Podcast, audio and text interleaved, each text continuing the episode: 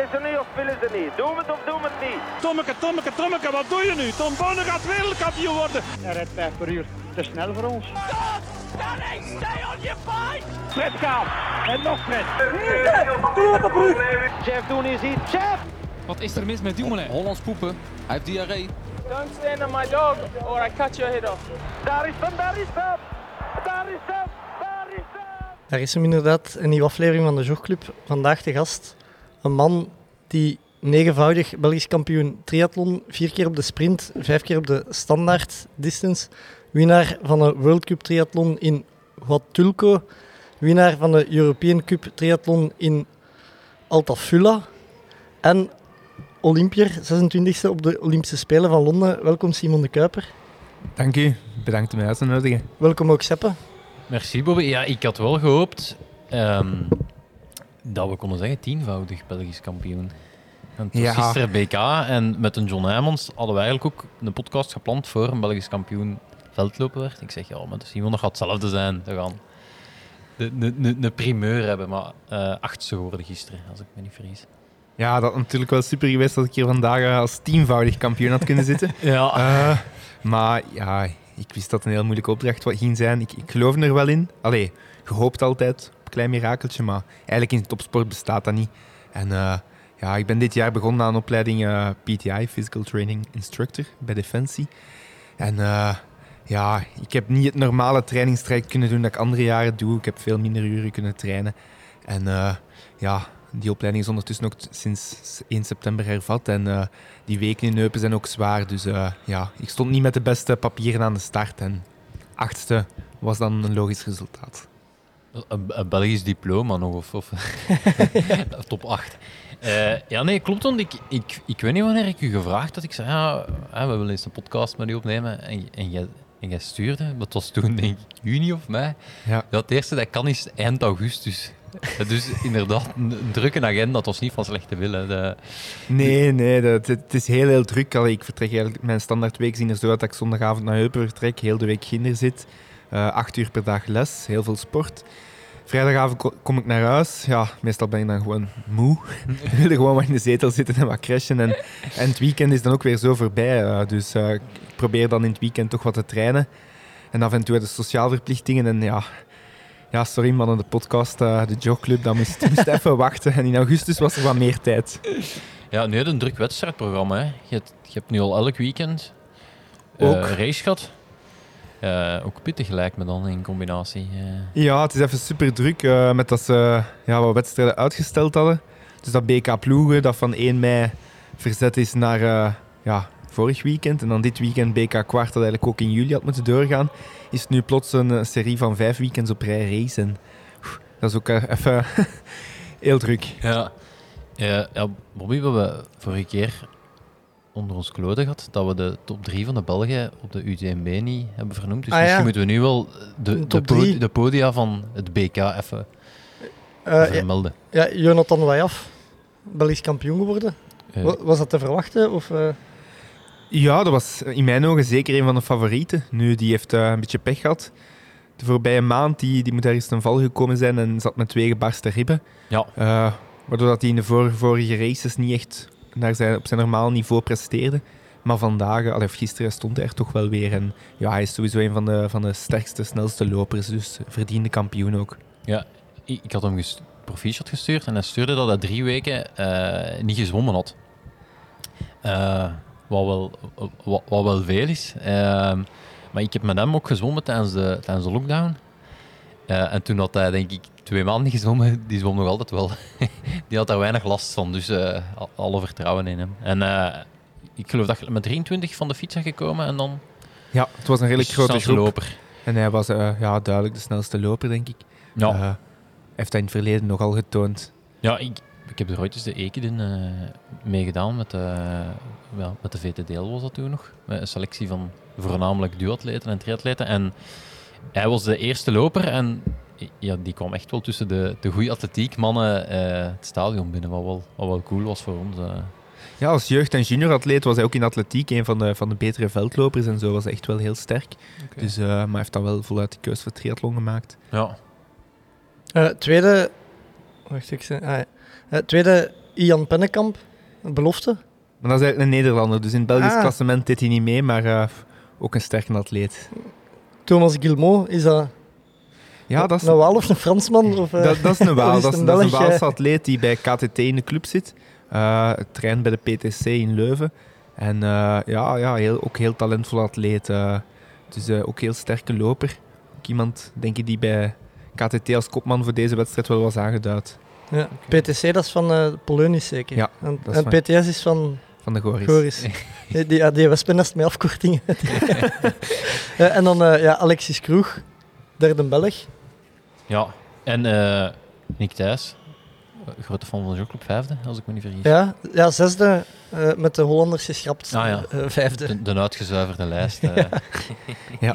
Alex is ook wel een eh, zeer verdienstelijke prestatie. Je moet weten, eh, in het fietsparcours zat er een kasseistrook met nogal een, een lastige bocht. En voor de race is het daar beginnen regenen.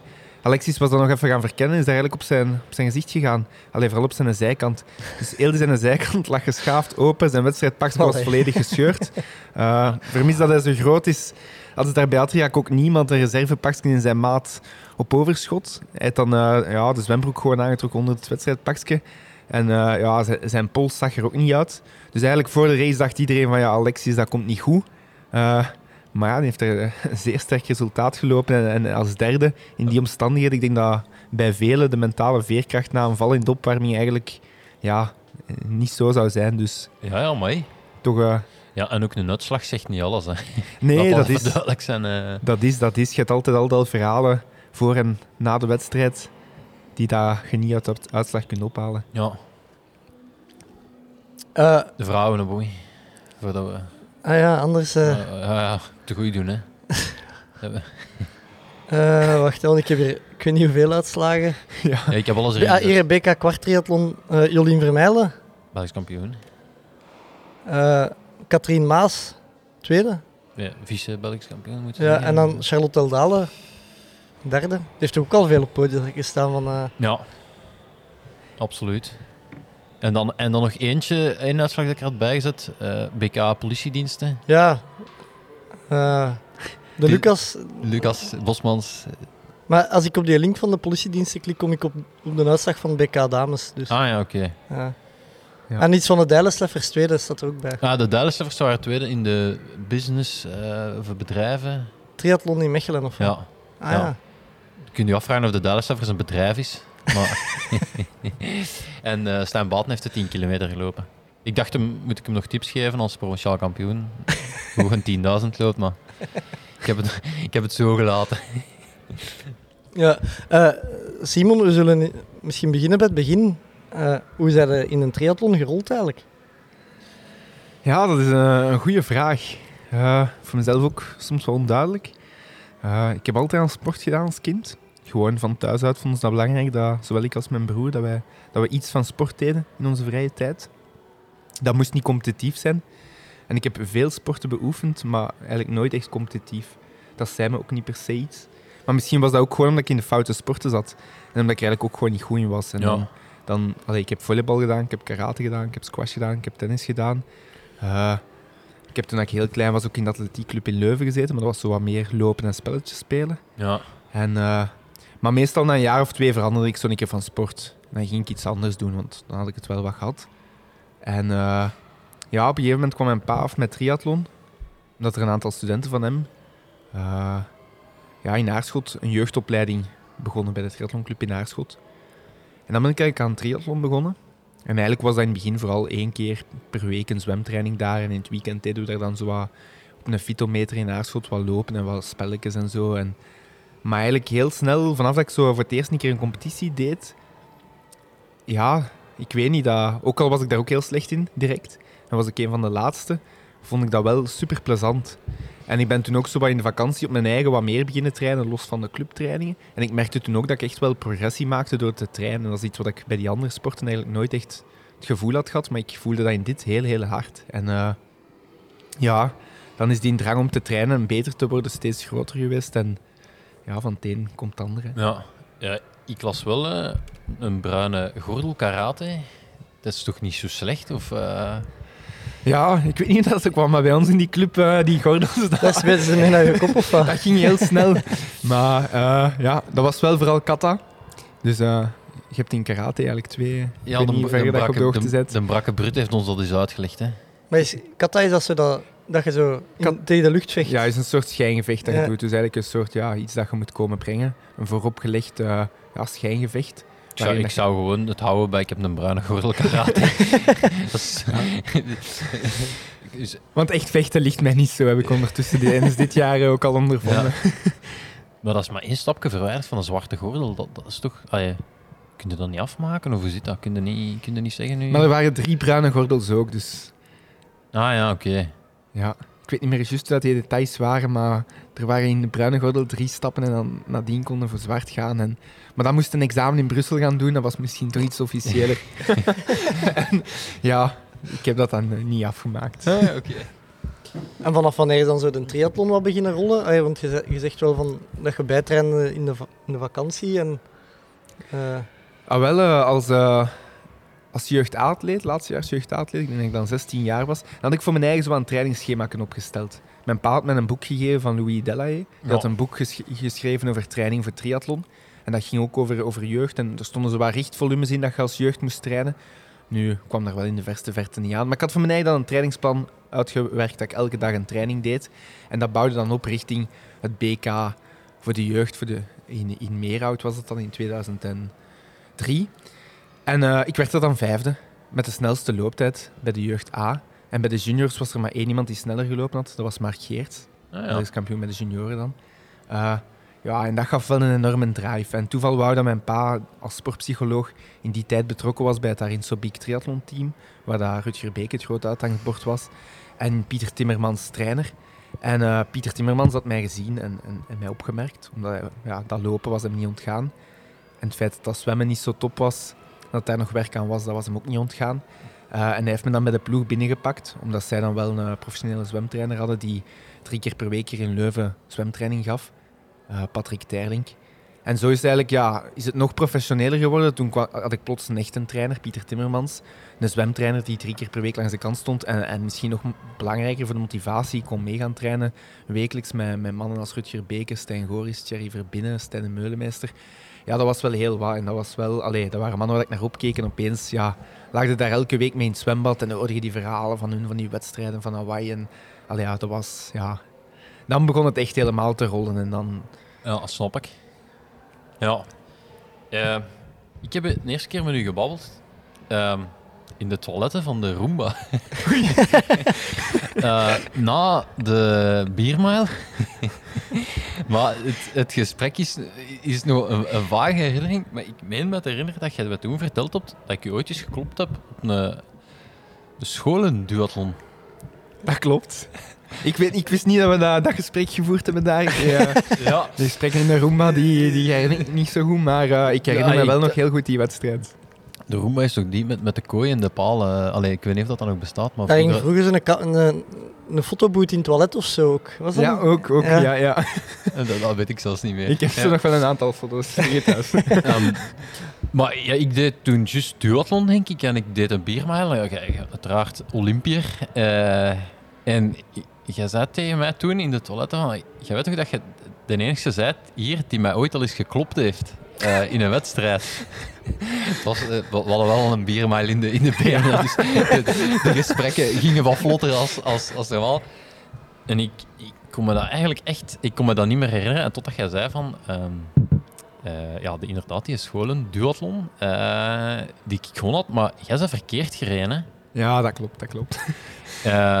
Dus jij wordt weggelopen, denk ik. Jij bent verkeerd gereden. Ik ben te goed, te goed gereden, maar dat was ook mijn leerkrachten, die deden ook mee. Dus ik reed samen met een leerkracht eigenlijk. Maar je hebt toch mijn naam onthouden of zo dan? Ja, ja, ja. ja. En hoeveel, hoe oud waren jullie toen? Middel, ja, wat was dat? Ik denk dat... Ja, Derde, het- vierde middelbaar? zoiets? Ja, of, of ja, zoiets, ja. Meteen, ook in mijn beginjaren, zoiets, tijdens het vierde middelbaar, het vijfde middelbaar. Eh, ja, dat was een, van, van SVS, hè, schoolsport, Ja. eh, een duathlon in Hofstade, daar in het domein. eh. Ik heb En- echt een uur achter die uitslag gezocht en ik heb dat niet gevonden. Ik heb, hem, ik, ah, wel, ik heb hem ook niet. Ik heb veel uitslagen thuis eh, afgeprint liggen, maar dan dienen niet. Nu, dat was zo'n beetje... Ik heb heel vaak van dat gehad in mijn carrière dat het eerst een aantal keer grondig fout moest lopen voordat het een keer wou lukken. Ja. En eh, ik deed ook altijd zo wat mee aan die schoonatletiek, die veldlopen. Maar ja, wij- daar gaan we nooit tegen elkaar gelopen hebben, vermits dat ik één jaar ouder ben dan nu. Ja. En eh goh ja, in, in de laatste graad was het zo wat mijn, mijn grote droom om een keer op provinciaal kampioenschap scholenveldlopen op het podium te staan. Maar dat is nooit gelukt. De, de, mijne, de mijne ook, maar ik ben vier... Ik werd altijd vierde. Ja, ik ben dan- ook vierde geworden. Daarachter ja, de twee broers Feyarts en zo. En dat waren dan ook goede mannen in atletiek in die tijd. En, eh, maar dan die scholen duathlon, ik dacht, ja, nu is mijn kans om een keer eindelijk een keer te winnen ergens. Ja. En eh, ja, begon goed. Ik was na het eerste lopen los, alleen weg. Eh, en dan de mountainbike op. Nu, ja, die organisatie was misschien niet super professioneel. Ik weet niet hoe dat kon. Oftewel lag het ook aan mijn eigen. Ik had het parcours niet, niet verkend. En ja, ik reed gewoon fout met de mountainbike. Hè. Op een gegeven moment kom ik op een grote steenweg uit. Dat klopt hier niet, denk ik. Ju. Dat waren, nee, ik weet echt nog wel waar je het vergeet. Dat is echt wel heel ver verkeerd gereden. Omdraaien, terugkeren en ja, mijn weg opnieuw zoeken. En ja, dan is het kalf natuurlijk verdronken. Maar goed, ik werd nog tweede achter u. En ja, ik, ik, ik heb die naam wel meegenomen, ja. en dat was zo weer, ju, allee, weer al een, een gemiste kans. Ja, eh, ja, bij mij was dat ook wel zo direct van... amai, Ik heb hier een Olympische topper eh, geklopt. Eh, ik, ik, ik moet hiermee verder gaan, want eh, ik, ik heb, ik heb eh, blijkbaar wel aanleg. Maar dat was eigenlijk totaal geen... eh geen Was geen dat in het café, eh, in de Roomba, dat je dat besefte? Of? Ja, ja, ja. Dus dat, dat was eigenlijk ons eerste, Ons eerste gesprek. ons eerste gesprek. Ja. Ja. Al- altijd eigenlijk een slecht idee gevonden om na een bier maar een afterparty te hebben, want je hebt ook meestal gewoon... Je bent mottig van... Ik vind dat juist het meest geniale, die, die een Ja. afterparty. Ja? ja Dan zijn ze juist goed opgewarmd. Dan Ja. je bent juist in de moeite komen en... Ja, nee. Ik, ik- Als Dan is er ook niks zo is- geen discussie over het indrinken. Allee, Ook al, ook al. iedereen start ook gelijk. ja. ja, en vanaf wanneer is dan zo uw Olympische droom een beetje begonnen? Eh, Oh ja, dat heeft, dat heeft wel wat langer geduurd. In het begin was mijn grote droom om misschien eh, een keer een medaille te winnen bij de juniors op Belgisch kampioenschap. Maar dat is dan vrij snel gekomen, want dat was in 2004 al het geval. En eh, Dus Ja. Waren er dan snel stappen aan het zetten als je zo Ja. professioneler begeleid werd en, en bij die mannen mee kon trainen? ja, ja, ja, eenmaal dat ik bij, dan bij Pieter Timmermans echt begon te trainen met een trainingsschema, dat was toch wel heel wat anders. En ook met dat ik voor het eerst echt in het zwembad begeleiding had met een echt goede zwemtrainer. Ik merkte heel snel dat ik stappen vooruit zit, want ik begon daar, begon daar eigenlijk te zwemmen. In het begin, eh Rutger Beke, zijn vrouw, die zwom ook nog mee. En ik mocht dan in de baan met Rutger en zijn vrouw zwemmen, maar ik zwom daar van achter. En eh, ja, dat duurde niet lang of ik mocht opschuiven en ik mocht in de voeten van Rutger zwemmen. Totdat dat Rutger serieus begon te nerveren. Dat ik altijd in zijn voeten zat of dat ik zelf sneller werd. En dan mocht ik op kop zwemmen in de baan. En ja, een jaar later zwom ik achteraan in de baan bij Thierry en Stijn. Dus ik merkte wel heel snel dat ik progressie maakte. En dat was eigenlijk ook heel leuk. Dat, dat gevoel maakt ook super motiverend om te, om te trainen en ervoor te gaan. Eh, die echte Olympische droom, dat is pas later gekomen. Eigenlijk, denk... eh 2006 wa- heb ik voor het eerst zo internationaal ook een goed kampioenschap gedaan. Met de belofte werd ik zestiende. En toen eh, heeft Pieter Timmermans een beetje zo zijn schouders erachter gezet achter een B-Gold project. Voor een beetje ja, de generatie waar ik in zat. Met ook Mark Geerslander, Dirke en wat jongere atleten nog. En dan is er ook hier in Leuven een meer professionele omkadering gekomen vanuit de federatie. Met Pieter Timmermans als topsporttrainer. En ja, dan was het ook het doel eigenlijk Olympische Spelen. Dat was eigenlijk al snel dan op die moment duidelijk van oké, het doel is om van deze groep met een aantal op de volgende Olympische Spelen te zijn. En Peter Kroes kwam dan ook trainen bij ons. Eh, Peter Kroes is dan de man die in 2008 naar Beijing ging en zo ook een Olympier. Dus dat was ook heel, heel motiverend. En dan hadden we hier in Leuven een professionele... Ja, toen werd het nog professioneler. Een hele omkadering, trainingsgroep. Met alles erop en eraan. Ja, en was het dan direct de bedoeling Londen bij u? Ehm, of, of, of, ik merkte ook wel, eh, als je dan zo 2009, 2010, dat het niet heel eenvoudig ging zijn om, om snel in Londen te staan. En het doel was eigenlijk altijd van oké, 2016 echt presteren om de Spelen top 8 gaan. En idealiter geraakt er in Londen al bij en kunnen meedoen in Londen voor de ervaring. En, eh, maar dat, dat ging geen eenvoudig verhaal zijn. eh. Nee. Ja, we, we hebben van Peter Kroes, die vertelde inderdaad ook in Londen dat, dat, dat, dat, dat de campagne niet zo succesvol ging. En eh, ja, dat, dat heb jij ineens je, grootste overwinning uit je carrière uit je mouw geschud, denk ik. Hè? Eh, dat klopt. De Ja. wereldbeker. ja. Ja, dat is, eh, het is niet eenvoudig om, allee, om zomaar op dat, dat hoogste niveau echt te presteren. In de zin van, van punten scoren voor de ranking, voor de Olympische ranking, om hoog genoeg te staan. Ja. En hadden daarnaast ook nog in een tijd naast de internationale criteria, de Belgische, de criteria van BOIC, die meestal ook heel streng waren, die ofwel top 8 op de EK waren, ofwel podium doen op een, aan, op een wereldbeker, maar het waren maar een paar wereldbekers die telden. Eh, dus dat was niet eenvoudig, die druk lag heel hoog. Eh, maar dan eigenlijk, ik heb mijn studies altijd gesplitst. En dan eigenlijk in, in 2000, allee, het academiejaar 2011, 2012 moest ik eigenlijk enkel nog mijn thesis afmaken.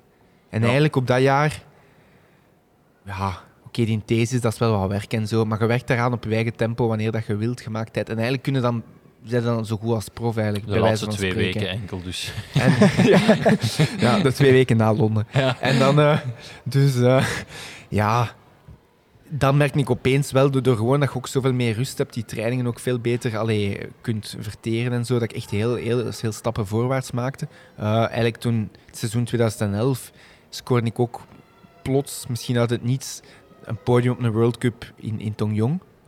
En dan groeide ook het vertrouwen bij de federatie opeens ook wel heel hard van, oh, er loopt hier iemand een podium op een World Cup en dat is al bij de mannen al eeuwen niet meer gebeurd. Ja. Eh, van Luc van Lier is dat geleden. Dus dat, dat was al wel wat tijd overgegaan. En ja, dan, dan begon dat plots realistisch te worden om misschien wel die BOIC-criteria te halen. Misschien ook nog genoeg te stijgen op die ranking. En dan heb ik eigenlijk een heel goed seizoen afgelegd, begin 2012. Eh, maar eigenlijk was, was toen een beetje zo het idee van, witte, de beste kans voor BOIC-criteria is gewoon dat EK top 8 halen. En we gaan daar naartoe en we nemen knechten mee. En we zetten alles in functie van, van Simon om een top 8 te lopen. Ideaal. En eh, ja, goed, ik ben die race ook gewoon een beetje aan de drukte ondergegaan. Ja. En dat was... Was een van die knechten Pieter Reemrijk? eh? Pieter Emerijk was mee als knecht en, en Willem Brems. Ah, Maar Willem reed redelijk direct lek. En Pieter heeft het daar super gedaan, maar het probleem is, die reed eigenlijk gewoon ook heel de groep kapot. en ja, ik denk op die moment, allee, was ik ook nog, ik ben die jaren nadien ook nog sterker geworden op de fiets. Maar als je dan iemand mee hebt die heel hard kan fietsen, maar je moet de hele tijd als tweede in dat wiel zitten, omdat er niemand anders aansluit, dan is dat ook zwaar. Ja. En, en als die dan af en toe op kop begint te rijden en dan valt er een gat achter hem en hij is dan even alleen weg en dan moet hij meer wachten. Ja, allee. Pieter heeft dat supergoed gedaan, want hij heeft mij uiteindelijk teruggebracht naar voren. Ja. En allee, dat was super. En het is ook geweldig, geweldig dat hij dat wou doen en dat hij dat deed en zo. Eh, maar hij heeft daar ook wel een beetje de groep en mezelf kapot gereden. Maar los daarvan, eh, ik heb eigenlijk voor de race al van de stress ten onder gegaan. En ik ben, eh, weet je, ik heb eh, mijn middageten en zo allemaal in de badkamer op de grond teruggezien. Gewoon van de stress. Allee, joh. Dus wel een beetje choken. En voor een wedstrijd die dan in de hitte doorgaat, heel zwaar is, niet ideaal. Ik ben er dan 35ste of zo geworden, echt ondermaats. Twee weken later was er dan die World Cup in Huatulco. Nu, ja, daar in Eilat heb ik dan eh, die ontgoocheling eigenlijk een beetje doorgespoeld met twee avonden op rij te gaan feesten. Nice. En eh, dan ben ik helemaal kapot. En ik heb een week thuis pff, moeten uitrusten en recupereren daarvan. Nauwelijks getraind. Dan zijn we naar Mexico vertrokken. Eh, een week op voorhand, goed op tijd. Voor aan te passen aan de hitte, want het was daar ook 35 graden, super vochtig. Ik heb daar dan ginder nog een paar echt goede trainingen gedaan, zwaar trainingen in de hitte. En ik kwam, ik was, allee, de Olympische Spelen was eigenlijk al uit mijn gedachten. Ik kwam daar niet meer voor, voor mijn criteria voor de Spelen te halen. Ik kwam daar gewoon voor een goede race te doen. En omdat ik daar toch ingeschreven was en dat het allemaal geboekt en betaald was. En oké, terug gewoon proberen een goede World Cup te doen. En ja, die dag kwam alles samen en ik won gewoon. En dat was gewoon fantastisch, want Ja. opeens ja, hadden dat ticket binnen. Ja. Eh, het cool is, eh, er, staan nog, er, er stonden nog beelden van op... eh, Ik heb juist die video gezien. ja, wat, wat, wat best nog wel chique beelden zijn. En ook, als je die uitslag ziet, eh, voor mij is dat zo'n beetje... Ik volgde de triathlon toen nog niet zo goed, maar het zijn wel allemaal namen die je kent. En, en je ziet bijvoorbeeld Rudy, Ja. Rudy Wild Ja. Tyler Butterfield, die Tyler Mexico Butterfield, won, waar de Gellewaard. eh Dus je, je Rudy ziet- Wild, Ja, dat is zo, Eh. iedereen heeft zo zijn eigen carrière. Richard Varga, Ja, Ja, ook wat Ivan ja, Rafael was daar. eh, ik denk Diemunch was daar. Fabi, eh, die Italiaan, Fabian. Fabian. Fabian was er ook. Sissens. Sapunov die later dan nog eens positief getest is. Allee, er, maar er, wa- er waren wel veel goede atleten. Nu, Het was een parcours dat mij gewoon ook echt lag. Het was Ja. lopen, heel Peter Leuven. Kroes. Peter Kroes, uiteraard. Ja. Eh, ja, nog, eh, even terugkomen op dat EK. Hoe, kun je gat laten vallen aan een bocht als je in Pieter Hemerijkse wiel zit? eh, dat je wat meters moet laten. Dat is toch ook al... Nee, niet aan een bocht, hè, maar... Dus hij pakte bijvoorbeeld over en die tweede die zei gewoon van... pff, en die liet het gat vallen en dan, ja... Zo van die toestanden. Ja. En dat, dat, die stress en zo, is dat, was dat proces dat je door moest van, van daarmee om te kunnen? Of heb je daar, heb je daar hulp gekregen, heb je hulp gezocht? Is, heb je dat altijd blijven hebben, zo'n zo zenuwen? Of, eh? Goh, ik ben wel altijd iemand ge- gebleven die, die met heel veel stress had voor de wedstrijd. Eh allee, ik moet zeggen, de, de dag van de wedstrijd voor de wedstrijd vind ik nog altijd meestal niet zo heel aangenaam. Ja. Maar ik heb er wel, allee, ik heb wel met sportpsychologen ook gewerkt. Dat heeft zeker ook geholpen. Ik denk op die moment dat ik mijn eigen de druk gewoon te hoog op... Allee, soms legde de lat en de druk voor jezelf te hoog en dan... Ja, dan heb je, ja, je moest die top 8 ook halen, hè, Ja, het was een beetje van, van allee, je wilt dat voor je eigen keihard, maar ook, allee, enerzijds supergoed, hè, de federatie stelt alles in het werk om dat te bereiken. Er worden twee knechten meegenomen. Allee, het kan allemaal niet beter, Ja, maar onbewust creëert dat voor je eigen nog meer stress. tuurlijk. Ja, ja, nee, dat en eh, allee, ik had dat jaar al een heel goed jaar gedaan, maar echt wel ook een aantal goede andere races en zo. En eigenlijk kon ik er heel, allee, had ik heel veel vertrouwen wel. Maar ja, je, dan- krijgt dan toch doemscenario's en ja... eh, Het is dat wat ik ook zei van, van die duathlon daar straks. Ik heb vaak gehad dat zo'n keer serieus moet eerst misgaan en falen. Ja, En vaak kwam er dan nadien wel, wel een topmoment aan. En, en ja, dat had ik dan in Nuatulco. zeg jij nou die in duathlon ook zwaar op stap gegaan? eh? Ja, in die tijd niet, nee. nee, nee. Ja, wat zijn dan zo de dingen dat ze u meegeven, de, de sportpsychologen en zo, dat voor u werkte? Of? Goh, er zijn veel, veel, veel, veel methodes. Hè. Nu, het helpt gewoon om, om een keer met iemand die er ook wat van, van verderaf bekijkt, voordien een keer heel rationeel over te praten. Van kijk, hoe zou die wedstrijd kunnen verlopen? Wat kan er gebeuren? En eh, hoe gaat het daarmee omgaan? En ja, stel je zwemt wat minder goed. Ja, Simon, er zijn twee knechten. Die mannen gaan wel wachten. Stel dat je tien seconden trager zwemt, dat is niet het eind van de wereld. Allee, je kunt daar dan heel, veel rationeler mee omgaan. Terwijl als je in je eigen hoofd soms verhalen maakt, dan... Blazen ja, dat op? Dan draait het heel negatief uit. En, en ja, dan kun je denken van, ja, stel je voor dat ik op de fiets niet omhoog raak op de berg. Maar ja, waarom zou dat gebeuren? Je, je fietst altijd goed bergop. Allee, je hebt dat nog nooit meegemaakt. Je moet niet uitgaan van een scenario dat nog nooit gebeurd is. Of zo van die zaken. Dus dat helpt wel met iemand die er wat verder af staat. Soms heel, heel, heel gewoon open over te praten. Dat die u even ja, duidelijk maakt wat de werkelijkheid is. Ik heb ook ooit een psycholoog gehad die zei voor de wedstrijd... Ik weet dat ik voor een BK heel gestrest was, want ik wou eigenlijk per se winnen. Ik was ook topfavoriet. Dat is niet altijd de leukste positie om mee aan de start te komen. En die zei, oké Simon, stel dat je nu kon ruilen. Wie zou je willen zijn van de deelnemers aan de start in plaats van jezelf? Als je kon kiezen, zou je liever iemand anders zijn. Dat en dan moest ik zeggen, ja nee, eigenlijk. Ik, ik zou het liefst van mezelf zijn. Ik heb altijd de grootste kans en het beste papier om te winnen. Ja, Er is niemand met wie dat ik zou willen ruilen morgen aan de start. Dus oké, dan... En, en zo'n dingen, dat helpt wel. Als, allee, Ja. Ja, dikwijls ook als je als je je super goed voelt en je hebt al je voorbereiding perfect verlopen, word je daar een beetje nerveus van. Maar inderdaad is dat dan wel een goede denkoefening van ja, zou ik hier liever met, met zo'n kwaaltje aan de start staan, dat je, niet, dat je zo weet van oh, ik heb niet alles kunnen doen wat ik wil doen. Allee, dat, dat, dat is ook niet altijd alles natuurlijk. Nee, nee, nee, nee, het is dat dus. Ja, ik zou ook wel nerveus worden moest Pieter Hemer knecht zijn. eh. Als die moet wachten had ze zwemmen. Eh, u, uw papa was sportpsycholoog. Was dat dan de eerste waarbij dat je te raden ging? Of? God, te raden ging is een groot woord. Natuurlijk probeert hij je wel... Die ziet ook van, oei, Simon is hier heel nerveus. eh. die probeert ook wel een beetje dat gesprek aan te gaan. Maar ik denk dat hij ook vrij snel beseft heeft... Goh, soms is het moeilijk om twee rollen op te nemen. Je kunt niet en vader zijn en sportpsycholoog. Ja, En dat hij dan ook zoiets had van... Ja, het is misschien beter om Simon eh, bij iemand anders onder te brengen. Iemand waar ik ook vertrouwen in heb, een collega. Eh, en dan kan ik voluit de rol van vader hebben op wedstrijd. Wat misschien dan toch wel, wel aangenamer is. ja, ja, en het is denk ik ook allee, deel van dat proces dat dat iemand is die er helemaal buiten staat. Hè. Ja. Die, u, waardoor je ook moet uitleggen hoe dat je ineen zit, hoe dat je... Om, allee, dat hoort er ook wel bij, denk ik. Dus. Ja, je neemt soms ook sneller iets aan van iemand die er iets verder vanaf staat dan iemand die heel, heel close in uw cirkel zit. Hè. Ja, ja klopt. Dus, Ja, en dan in Mexico dan wist je direct, ik mag wel naar de Spelen. Goh, ik durf er dan nog niet direct te veel van uit te gaan, want een BOIC en zo, je weet nooit. Ja, het stond op papier, hè, je Watulco podium is BOIC-criteria. Nu, het ding is, er was nog altijd die internationale limiet ook, die ranking. Ja. Eh, nu, vijf dagen later hadden wij in San Diego WTS. Daar ben ik 16e geworden. Opnieuw een, stevige zak punten mee.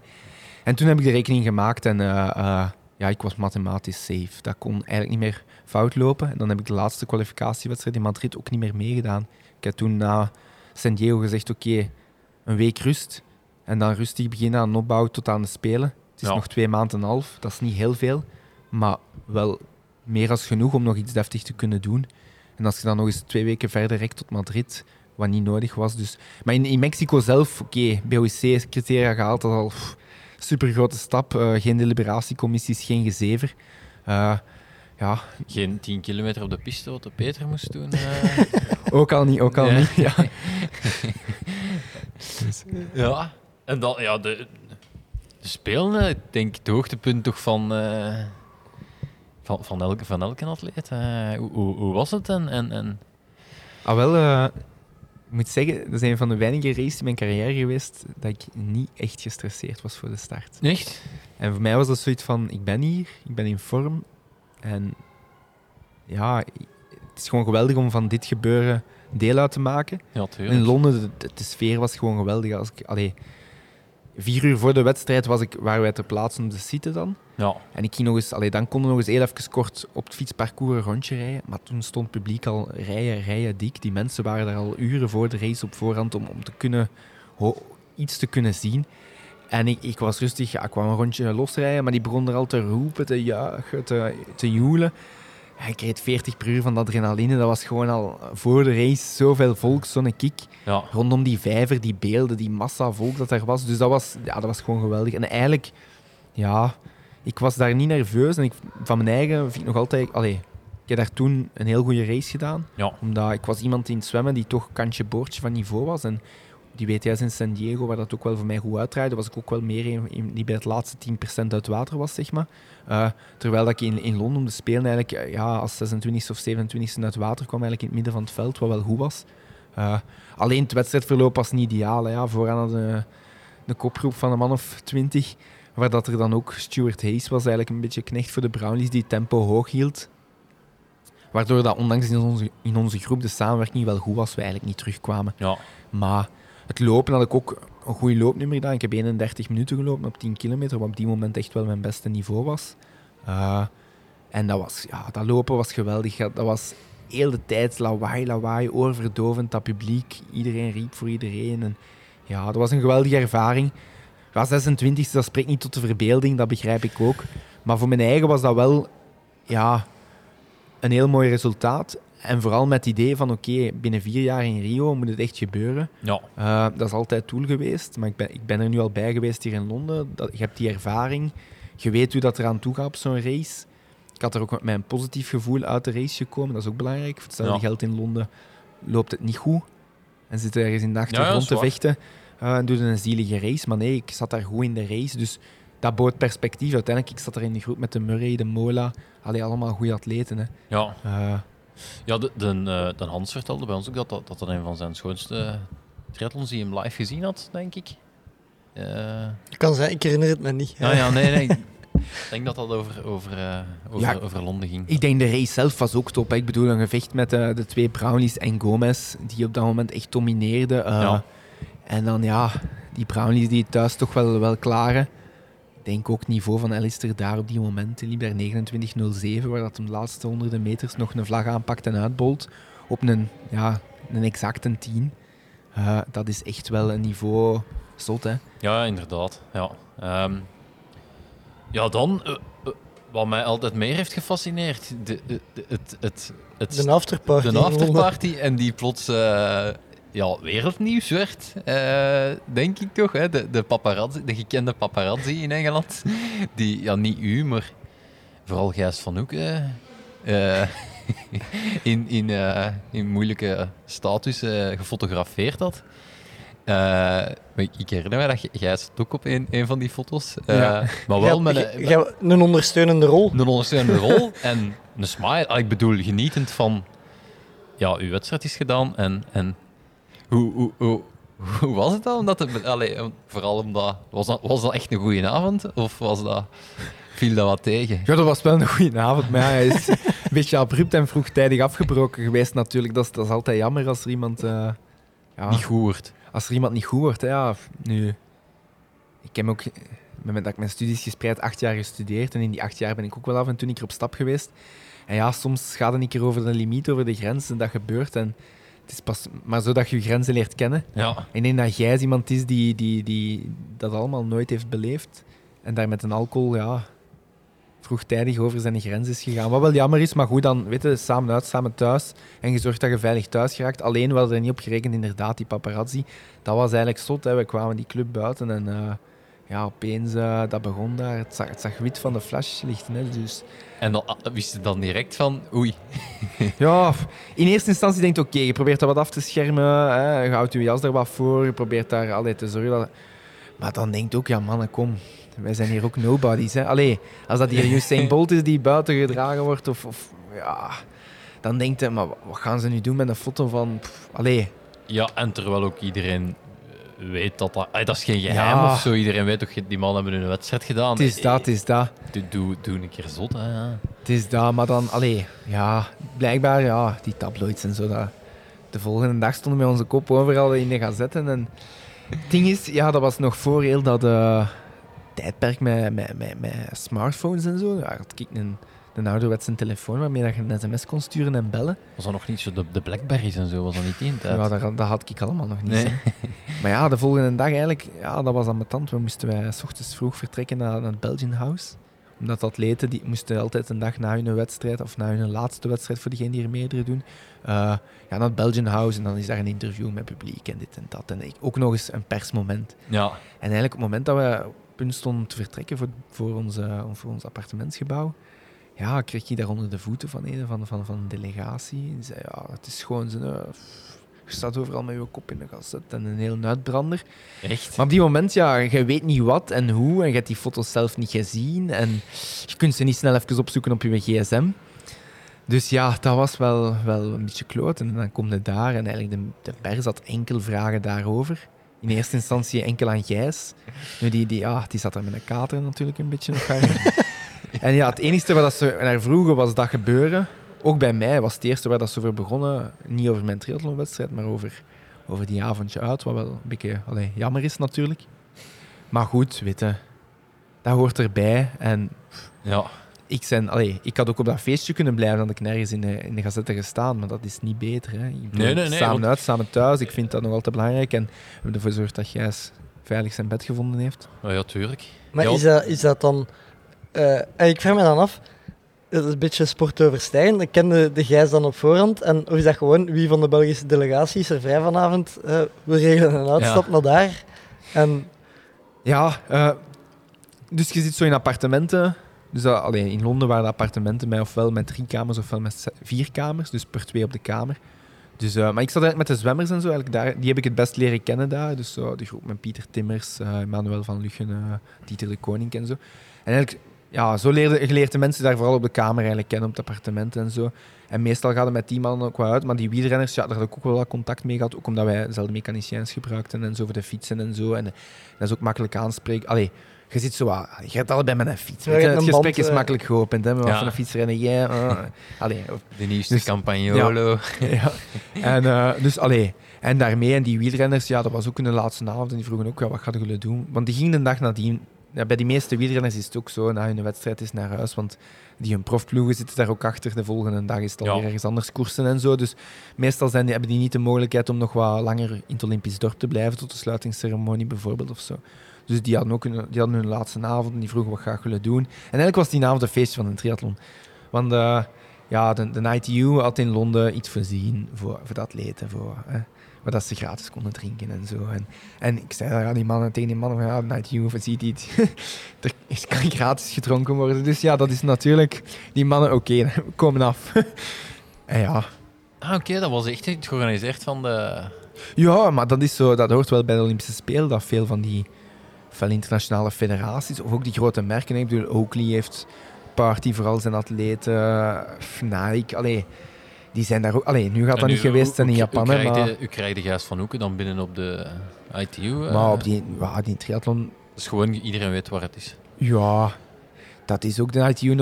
Allee, die triatleten weten wat dat is. En of dat daar nu een paar man meer of minder binnenkomt, dat is ook niet... Aan de foto's te zien krijg je makkelijker binnen als buiten. Maar dat was ondertussen al ergens anders. Hè. Dan is de, is de groep wat verplaatst naar een discotheek. En dan Ah, oké. Ah, oké, ça va. Want ik had gelezen dat je aan een schatkist gedronken had. En een schatkist. Ja, dat dat zo'n soort... Dat dat de, de, de delicatesse daar was en dat dat zo wat opgediend werd in een eh, schatkist en dat dat allemaal cocktails waren en... Nee, dat Nee? is niet... Nee, Spijtig. Nee. Nee.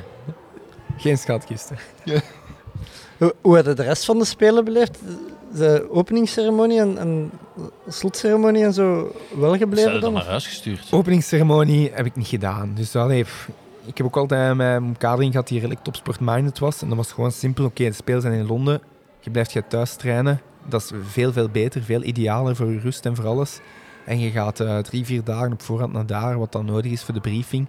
En voor nog eens een laatste parcoursverkenning te kunnen doen. Ja. Dus ik heb die openingsceremonie aan mij laten voorbij gaan. En ik had toen zoiets van, weet je, ik zal je dat in, in Rio wel meedoen. Hè. Dan moet je toch zoveel tijd op voorhand naar Ginder. Ja. En dan, eh, ik zal dat dan wel doen.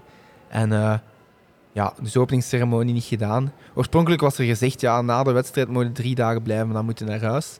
Ja. En dan mogen eventueel nog een keer terugkomen voor de sluitingsceremonie. Maar dan de atleten die in de laatste week wedstrijd hadden, wat dat dus mijn geval was, ja, dat was een beetje omslachtig. Dus die mochten gewoon blijven tot op het einde. Dus de sluitingsceremonie heb ik meegemaakt. En dat was ook, ja, dat was ook super. Dat was zo een beetje, weet je, wat de ontlading van, het is hier gedaan en, en alles is los. En ja. ja, Heb je nog andere sporten gaan zien? ja, een aantal. Nu, als atleet kunnen, zijn er atletentickets en kunnen dan zo elke ochtend gaan vragen van oké, welke tickets zijn er, wat kunnen doen. Eh, ik heb een aantal andere sporten gaan zien. Ik ben naar BMX gaan kijken. Nou ja. Ik ben open waterzwemmen gaan zien. Dat was eigenlijk ook vooral omdat Brian Riekeman meedeed. ja. Ook een van de kandidaten voor misschien een medaille zelfs. Ja, Eh, klopt. toffe kerel ook. Eh, ook topsporter defensie in een tijd. En ben daarnaar gaan zien. Wat heb ik nog gezien? Ja, vrouwen triathlon ben ik ook gaan kijken. Eh, verder, ik had heel graag een atletiek een keer gaan zien, maar daar heb ik geen ticket voor kunnen bemachtigen. Ja. Die, die tickets zijn redelijk gegeerd, zeker op het einde. Die estafettes en zo, dat is allemaal, iedereen wil dat zien. Ja. Eh, ik heb ook één avond naar het zwemmen gaan kijken. Dus ik heb een aantal sporten wel kunnen zien. Maar ja, ook niet alles natuurlijk. Nee. Ja. En?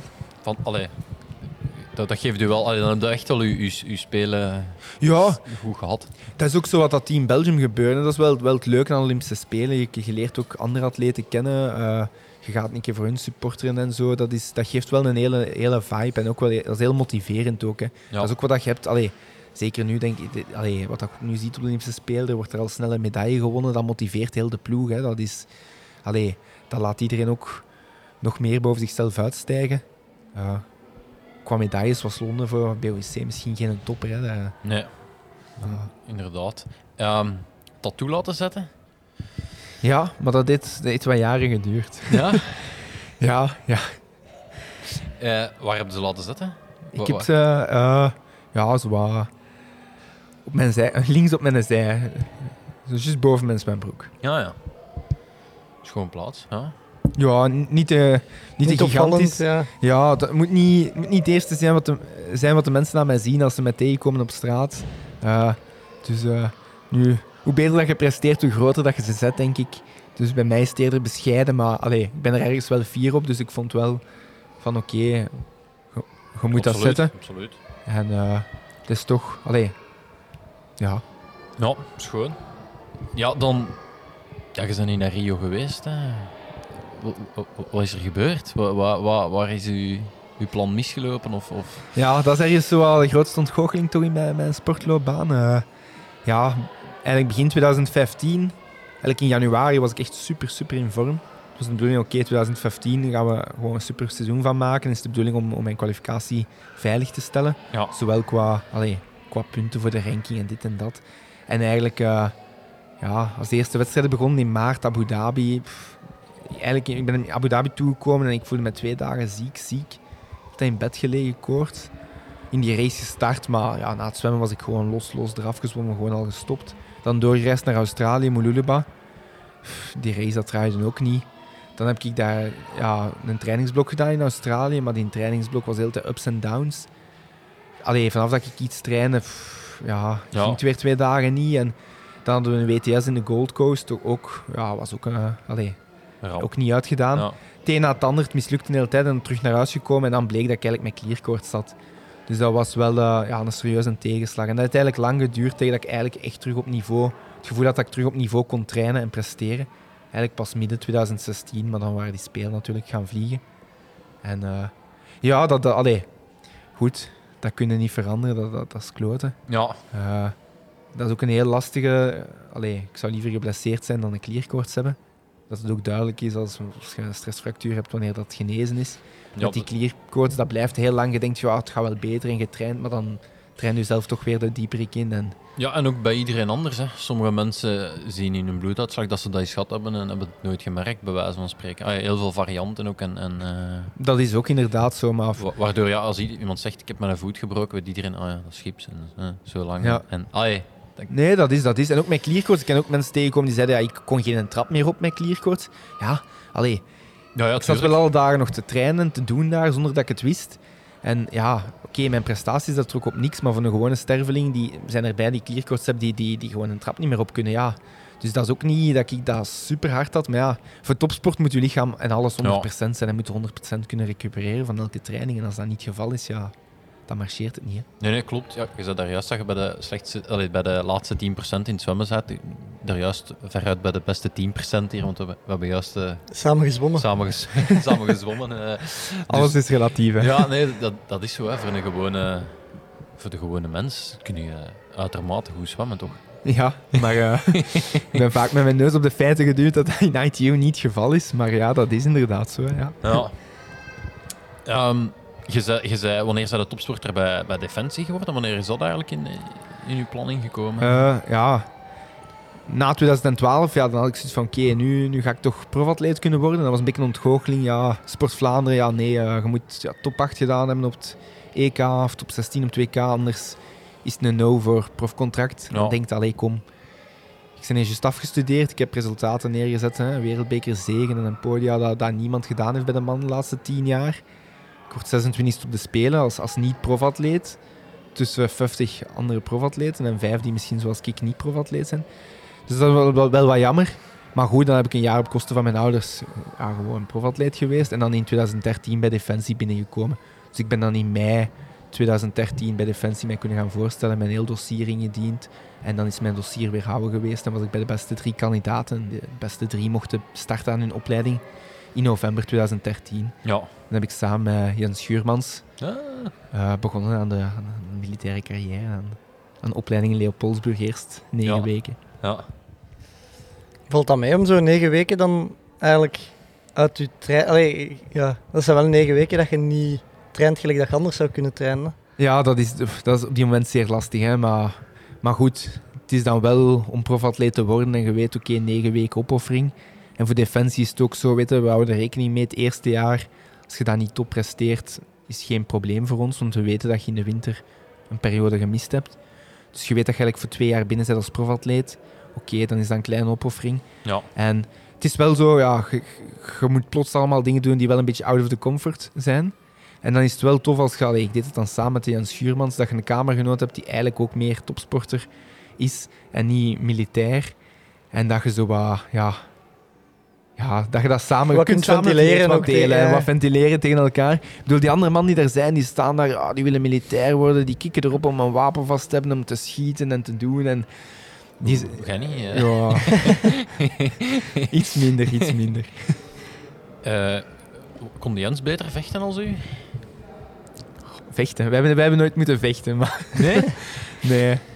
Oké. Ja, eh, dat zijn dan de verhalen van de Bobby die eh, Ja. Bobby... Eh, maar hoe, hoe verloopt dan uw, uw carrière als topsporter bij Defensie? Want ondertussen zijn ze ja, gewoon in dienst. Allee, of, Ja, ja, ik ben op een gegeven moment mijn statuut verloren. Eh, als alles goed gaat, ja, dan, dan moet je ook geen zorgen maken. Dan presteerde ieder jaar die criteria. Maar ja, als je in 2015 clearcourse krijgt, ja, dat is dan een jaar dat je niks presteert. Dan krijg je ja, een oranje kaart, zeggen ze dan. Eh, dus je Ah, kunt ja. een groene kaart krijgen, dat oké is. Oranje, dat, dat je toch wat... Let op je- je gedrag. Ja, dat je weet, volgend jaar moet het wel gebeuren. Ja. En een rode, als je ze niet gehaald hebt, dan, ligt eigenlijk, dan verlies je je statuut eigenlijk. Eh, dus in eerste instantie een oranje kaart. En dan in 2016, ja, dat, zoals ik zei, het heeft lang geduurd dat ik terug op niveau presteerde. En eigenlijk heb ik mijn criteria op een haar gemist. Ik moest nog op het podium doen op een World Cup en ik ben op het einde van het jaar in, eh, in Korea en in Japan vijfde en vierde geweest op de World Cup. Ja. Telkens in een eindsprint met vijf man. Ah. En dan, eh, ja, ondertussen is het al twee keer vierde, want Turbayevski is ondertussen al uit de uitslag geschrapt. Eh, dat, zijn, dat is een beetje zuur, maar goed. Als je statuut verliest, moet je natuurlijk bij Defensie blijven. Maar dan, dan is het wel als, eh, niet meer als topsporter, maar dan moet je een functie zoeken. En dan moet je je weer oriënteren om, om, om een functie in te vullen. Eventueel een bijkomende opleiding doen binnen Defensie. Ik heb dan een korte cursus gedaan, Ilias. Dat is ja, om magazijnbeheer, laten we zeggen. Dus beheer van al, al het materieel bij Defensie gebeurt mijn programma, dat noemt Ilias.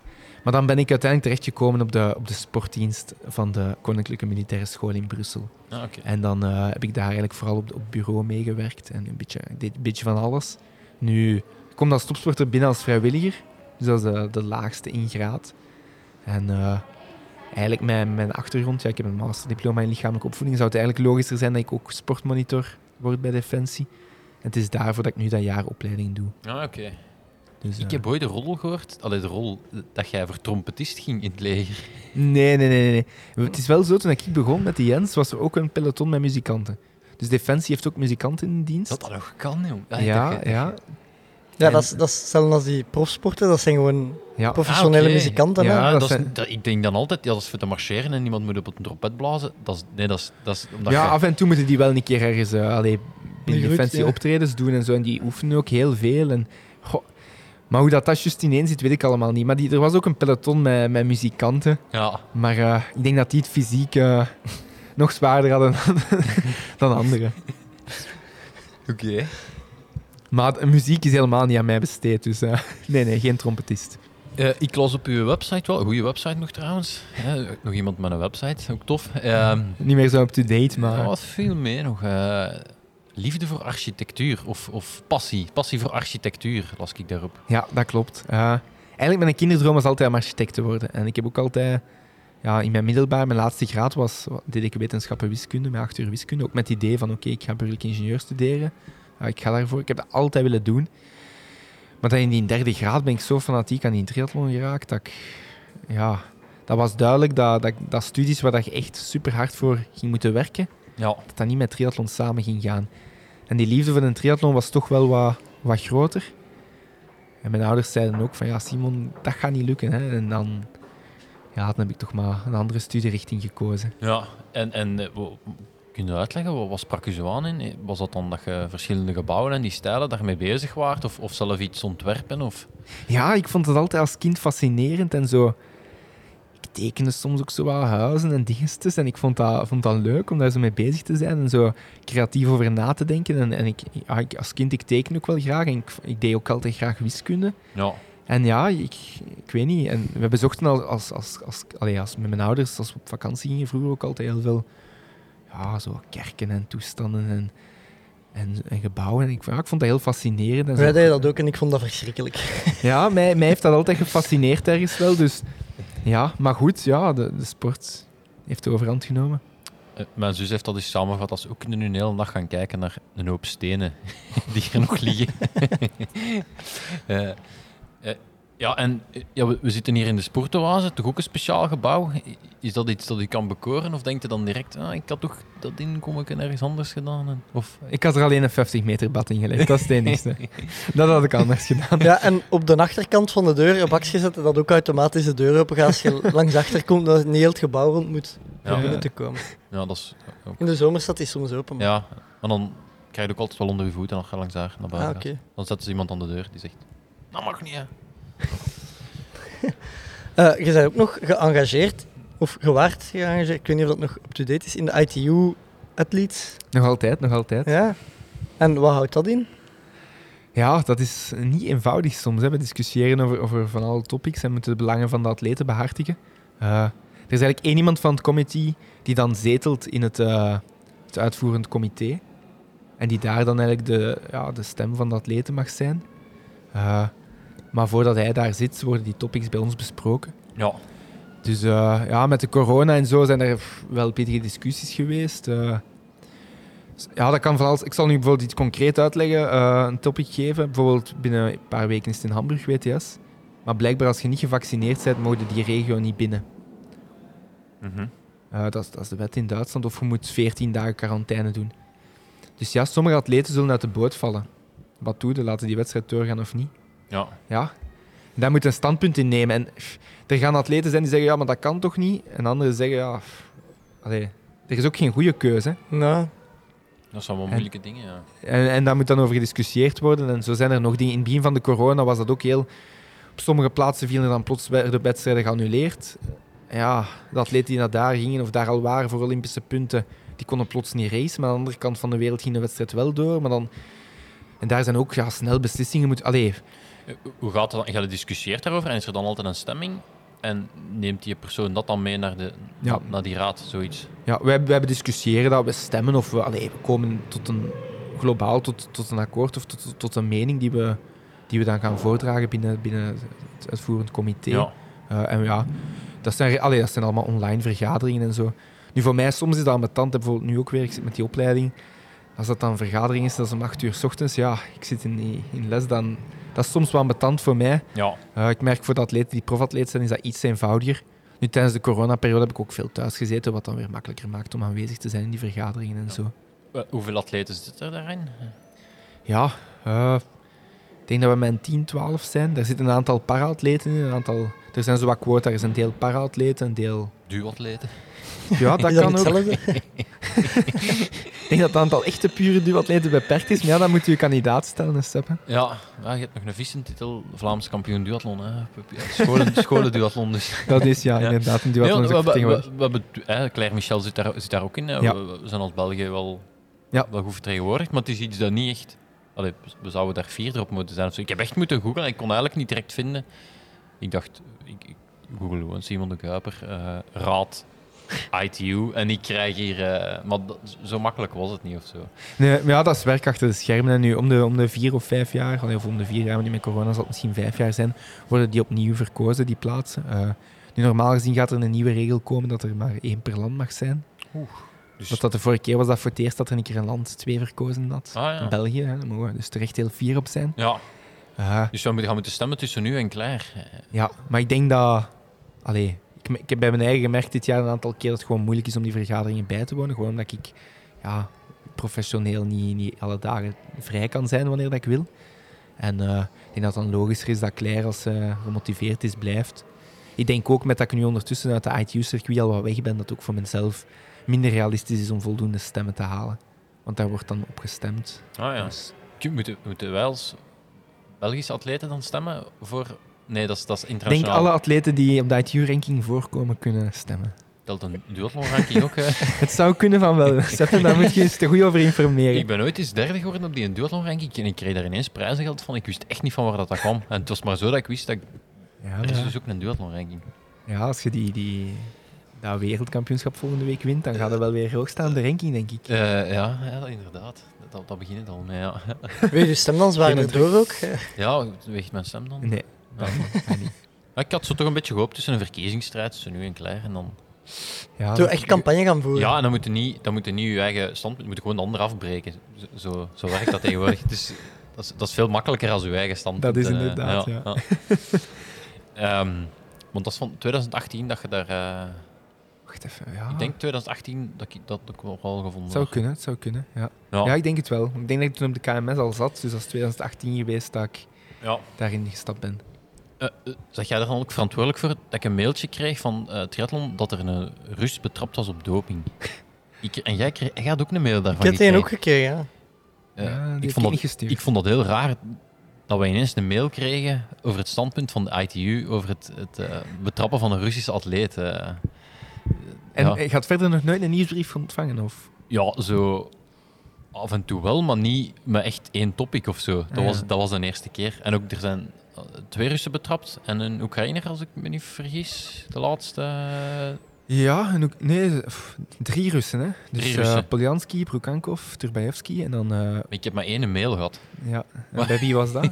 bij de eerste misschien, Nee, het is nog niet zo lang geleden. De laatste, denk ik. van Brukankov. Ja. Ja, en Ik heb ze verwijderd, dus ik kan ze niet Ah, ja. op even opzoeken.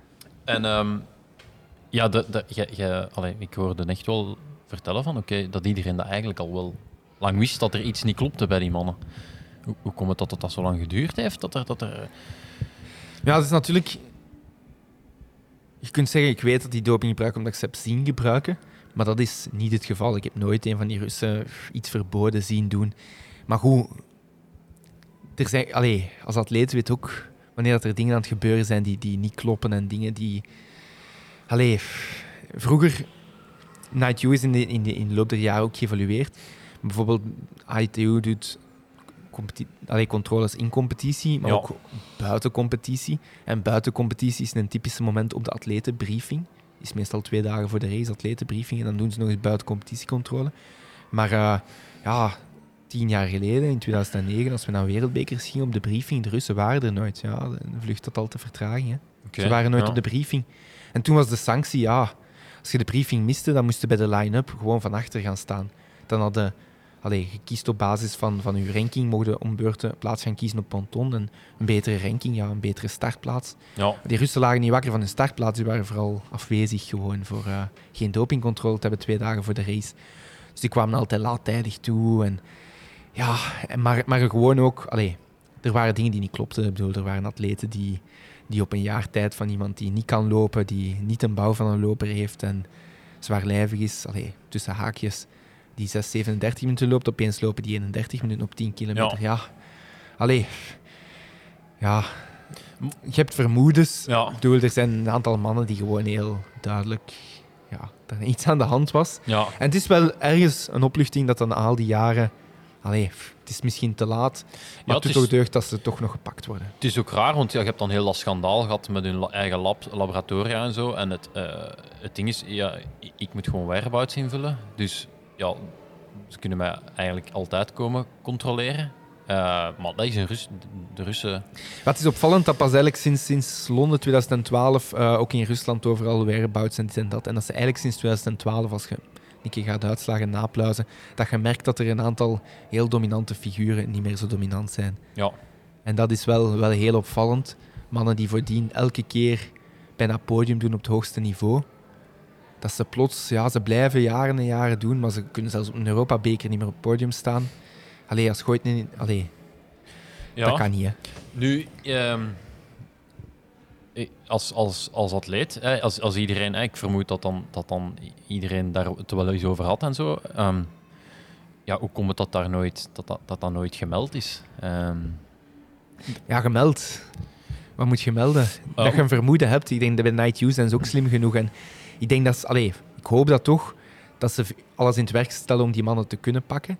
Eh, als je hoort, bijvoorbeeld Dimitri Gaag, hebben ze op een gegeven moment vlak voor de Spelen van Beijing gewoon gepakt, vlak voor dienst. Ze hebben die ergens op de luchthaven opgewacht. Die kwam toe, up, controle aan de luchthaven Ja. en positief op EPO. En die is niet naar de Spelen in Beijing kunnen gaan. Dus dan heb je wel het idee, oké, ze gaan die mannen toch proberen bewust te zoeken en, Ja. en te pakken waar dat ze kunnen. Dat is soms niet zo eenvoudig. Hè. Ik bedoel, als je al die, die documentaires en filmen ziet, zoals Icarus en zo, dat daar in Rusland aan toe gaat. ja, ik weiger dat te zien. Ja, het is niet evident, denk ik, om de Russen in Rusland te gaan controleren. Eh, nee, nee, nee. Maar eh, ik, zal, ik zal nu een voorbeeld geven. Het kan ook zijn dat ik, dat ik, dat ik een beetje aan het fantaseren ben. Maar je hebt op de eh, website van NADO Vlaanderen... kun je anoniem melden als je iets verdacht gezien hebt. Ehm, ik, heb de, ik heb de duathlon van Aarschot gewonnen. dat, is echt, Ja. dat is echt stom, hè. En ik heb die week ben ik drie keer gecontroleerd op zeven dagen. Ik ben bijna zeker van dat iemand gemeld heeft. Dat is iets verdacht. En maar wat goed is, allee, ik vind dat, dat, is- dat is een goed systeem. Maar, dus ik, ben, ik ben twee keer thuis gecontroleerd en één keer op de wedstrijd. Ja. Wat als duatleet echt wel. Allee, Ja, dat is wel... is, eh, ja, ja, ja. Ehm, maar e- eerst had ik ook zoiets van, want ja, uiteindelijk, eh, als je whereabouts invult, komen nu eigenlijk één keer per kwartaal, moeten ze controleren om een bloedpaspoort op te stellen. Oké, dus bij mij eigenlijk, die komen één keer in het kwartaal om in orde te zijn. Ehm, en ik weet eens dat ene keer een van mijn controleurs zei, ja, als wij hier twee keer binnen de week staan, dan moet u zorgen maken. Ze. Dus Ja. ik krijg controle. Drie dagen later terug controle. Hm, dat, dat vond ik dan toch al. Dus ik zei, oh, is er, is er een probleem? Is er, eh, nee, nee, nee, dat is gewoon Ja, ja. maar je merkte ook dat een dokter zijn uitleg niet helemaal Ja, ja. klopte. Ehm, en toen had ik wel door van, oké, dat je, dat je inderdaad anoniem kunt melden. Maar uiteindelijk Dat is al wel goed, want Ja. inderdaad, als iemand daar vragen over heeft en Ja, dat is ja, ze, ze, ze hebben mij drie keer gecontroleerd.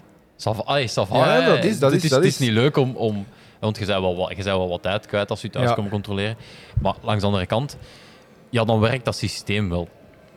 Eh, het, is, nu ook nog geen oproep dat iedereen dingen gaat melden als je eens een duel in Aarschot wint. Eh, maar dan, vind ik het altijd straf dat dat voor internationale atleten, en zeker als dat gerucht de ronde gaat, dat, daar niet, dat, dat dat niet bestaat en dat ze die dan niet... Ja, ik stel me er ook vragen bij. Ik bedoel, als je nu dan uiteindelijk op een EK iemand pakt op EPO, komt het dan je al die jaren voordien die nooit hebt kunnen pakken? Eh, en dan ja, dat verhaal met Turbaevski, die wordt nu ook geschorst voor een periode van 2014 tot 2017, omdat er toen afwijkingen waren in zijn bloedpaspoort. Maar dan denk ik, hoe komt het dat ze er nu pas... Ja, dat, Ja. Allee. vier jaar Ja, pas Dat nu pas over afwijkingen van in 2014 zit. Het, eh, allee, hadden ze toen niet... Is dat dan omdat er iemand met een andere bril naar gekeken heeft? Want ik kan me inbeelden, zo'n bloedpaspoort, dat is niet, niet zwart-wit. Dat is een interpretatie van schommelingen die, allee, denk ik dan, die misschien afwijkend zijn, die niet logisch te verklaren zijn of niet natuurlijk te verklaren zijn. Ja, Dat is, allee, of zijn die, die opspoortechnieken bij EPO misschien nu nog verfijnder dan dat ze de zoveel laatste tien jaar voordien waren? ja. Dat ze nu misschien, dat die Rus heel zijn carrière met microdosissen die niet opgemerkt werden, nu wel betrapt wordt. Daar weet ik het ook het fijne niet van. Nee, nee. Het is al sinds heel dom dat je dan nu op EPO gepakt wordt. Ja. Maar ik denk dat EPO blijkbaar dan toch nog heel, allee, heel veel gedaan wordt in Rusland. Als de Poljanski er ook wordt opgepakt en zo, als die Sapunova of Jelistratova, hoe dat ze noemt, want ze verandert Ja. af en toe van naam, dan eh, daar ook op gepakt wordt. Allee, is dat duidelijk toch heel gangbaar hinder. ja. Waren die mannen nu nog actief eigenlijk? Of? Ja, ja, ja. Dus, eh, ja, dus eh, die Jelistratova is, is eigenlijk in begin juni op een Europa-beker in Oekraïne op EPO positief getest. Maar dat heeft een aantal weken geduurd voordat ze dat resultaat binnen had. Ondertussen was hij eigenlijk al in Japan voor de Spelen. Hebben ze daar gezegd, ja Meske, je bent verleden maand positief getest, je moet terug naar huis. Maar ze hadden dan in Japan ook al een out-of-competition controle gedaan. Dan bleek nadien dat ze op die controle ook positief was op EPO.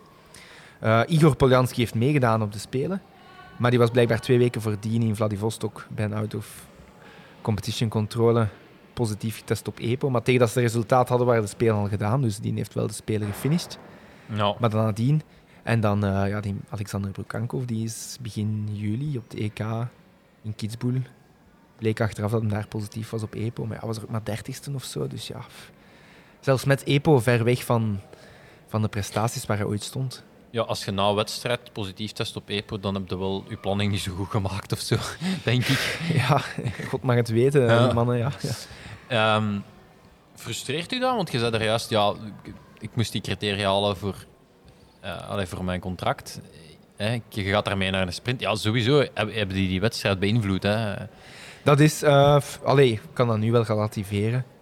Die moment zelf piekt dat wel een beetje. Als je zo, ja, je mist je contract juist, je zit dan vijfde. Scheelt niet veel en er zijn er dan toch een paar voor u. Waar dat je van denkt, "Ju, die, daar daar steekt mijn hand zeker niet voor in het vuur. Ja, Dat is frustrerend, maar ja, goed. Zoveel jaar later denkt je, ja, het zou schoon zijn moest dat misschien ooit nog uitkomen, maar ja. Maar het is vooral moeilijk. Ik denk, eh allee, in 2009 bijvoorbeeld was ik eh, een stuk jonger. En ik ging voor het eerst World Cups doen. En wij gingen met een groep jonge gasten naar Azië. En eh, we werden daar op zeven minuten gezet door een kopgroep met vier Russen. Die daar op een niveau presteerden, die heel die race kapot rijden ja, kapot lopen, al de rest belachelijk maken. Ja, mij ook. Dat komt over alsof dat je, ja, je niks kunt, ja. terwijl dat daar heel duidelijk is wat er aan de hand is. Je kunt dat niet zeggen nadien, ja, maar ja, al die Russen vooraan hebben ja. allemaal gepakt. Ja, dat kun je niet zeggen. Hè. Ik bedoel, dat, Nee, dat nee, gaat de federatie ook zeggen, ja, maar ja, dat, zo, allee, zo is altijd een excuus. Hè. ja. Nee, maar zoveel jaar later, als je die uitslagen dan bekijkt, dan, dan, dan weet je wel. Allee. En ja, dan heb je nu wel even die bevestiging. Dat die vermoedens toen klopte wel. Weet je, je werkte ook heel hard, hè, je traint ook heel hard. Je bent bij de, bij de meer getalenteerden in je land. Ik bedoel, als je dan zo belachelijk gemaakt wordt Ja, op een ja. wedstrijd. En ze hebben daar wel wat jaren gehad dat de Russen daar heel dominant waren. Soms met 4, 5 op die WTS'en ook vooraan. Ook alles mee kapot fietsen. ja. Terwijl dat ze jaren later niks meer kunnen op een flow en al lopend en al zwemmend. En, ja. Ja. Maar dat zijn geen topics die dan ter sprake komen bij de, bij de atletencommissie. Van, ja, over die doping, eh, daar moet nog niet goed over gediscussieerd worden. Hè. Ik bedoel, allee, maar het is ook altijd zien wat, wat kan er juridisch, wat wel en niet. eh. Ja, In, in 2016 hebben, heeft IOC eigenlijk niet de ballen gehad om de Russen te, te, te bannen op de Spelen. Ja. En toen hebben ze het eigenlijk aan de federaties gelaten. Gezegd, ja, de federaties mogen de Russische atleten uitsluiten als ze dat willen. ja ze, ze zijn ook eigenlijk ze, ze- onder neutrale vlag. Ja, toen was de keuze ofwel neutraal vlag, maar federaties mochten in, allee, zelf beslissen van als we willen, mogen we ze volledig Ja, uitsluiten. Maar de ITU heeft dat ook niet... niet allee, ja, als je ze nooit betrapt hebt, kun je moeilijk zeggen we gaan ze hier uitsluiten op basis van vermoedens. Maar misschien is nu wel een keer de moment om te zeggen van kijk, misschien moeten we ze toch op het elite-circuit bannen een aantal jaren. Want allee, wat dat er dan nu boven komt... En je hebt nu wel- was altijd gezegd dat die onder neutrale vlag alleen maar mochten opkomen als ze konden laten aantonen dat ze hun whereabouts invulden, niet meer gecontroleerd door een Russische instantie. Dus dat ze... Dat ze maar dat, dat zal dan wel niet kloppen. Ja, misschien wel, maar allee, goed. Ik hoop dat dat ITU, maar dat, is, dat gaat het atletencomité niet beslissen. Hè. Nee, Misschien toch ergens niet stappen neemt om, om de Russen eventueel een tijdje aan de kant te zetten. Of toch op elite niveau. Ik denk, Ja. misschien kunnen juniors en zo wel hun juniorkampioenschappen doen. En een volgende generatie Ja. misschien een duidelijke eh, allee, signaal geven van kijk, als het niet clean kan, gaan we jullie niet toelaten op wedstrijden. Maar goed, dat, ja. dat zou ik wel mooi vinden. Ja, in duathlon is het nu di- dit weekend de, de- de eerste keer dat er iemand onder neutrale vlag eh, deelneemt. Andere jaren was dat nog gewoon eh, eh, voor Rusland. Dus Ah, ja. En wie is het? Of? Eh Maxim eh, Kuzmin, eh, die, eh, die in 2017 eh, we- wereldkampioen werd. Eh, maar goed, ja, het is, ook niet, het is ook niet zo dat je kunt zeggen van... het is, ja, het is een kei groot land Rusland om iedereen... eh er, er, dat, is- dat is Je kunt moeilijk. iedereen over dezelfde kam Nee, Nee, dat, is nee. heel, dat is heel moeilijk. Hè. Dat is een heel moeilijke topic bij, bij doping ook. Hè. Ja, dat is inderdaad. Het probleem is ook wel, hè, want hè, Maxim Kuzmin, ik ken daar echt, je kent die niet, je ziet die maar één keer op een jaar. Hè. Je ziet die soms echt super hard rijden. Maar die zit ook in een heel ander circuit als, als, als, als mij bijvoorbeeld. Dus ja, ik, ik zie die niet op de andere Powermans. Eh, ik heb die op Facebook, maar die post alles in het Russisch. Dus ik weet eigenlijk niet wat dat die zegt. Die, die stuurde een berichtje, gelukkige verjaardag, wat ik eigenlijk al niet kan lezen. Dat ik denk dat hem gelukkige verjaardag zegt, maar ik, ik like dat dan maar. Ehm, dus ja, da- daar begint dat ook al wel, wel raar. Hè. Als die aankomt, je kan ook geen interview geven, omdat dat is de enige taal dat hij praat. Ja, dat, dat maakt ook dat je daar, dat je daar niet zo'n goede band mee, mee hebt. Hè. Dat- dat- met iemand die zo van zo ver komt natuurlijk. Dat is, ja, je hebt bij die Russen zo altijd het idee dat het een andere wereld is, dat het een afgeschermd milieu is. Ook, ja, ze hebben hun eigen taal en Ja, daarbuiten moeilijk omgang. Dat is, dat is. ja. Dat zijn niet direct je beste maten in het circuit, daardoor. Terwijl dat er anderen zijn waar dat je heel goed mee overeenkomt. Maar voor hetzelfde geld zou het ook kunnen dat die iets doen wat niet mag. Hè. Maar ja. Ja, ja, maar evengoed een, een Japanse duatleet die, die, die ook de taal niet spreekt, maar die wel... eh eh, Bobby, als, als we die, we hebben die haar banden is, toch eens opgepompt, hè, en dan was die echt zo...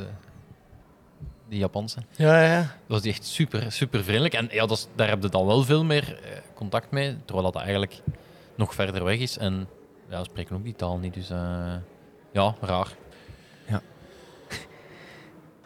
Eh, je had ook iets in de voorbereiding gezet over het WK Duathlon in geel.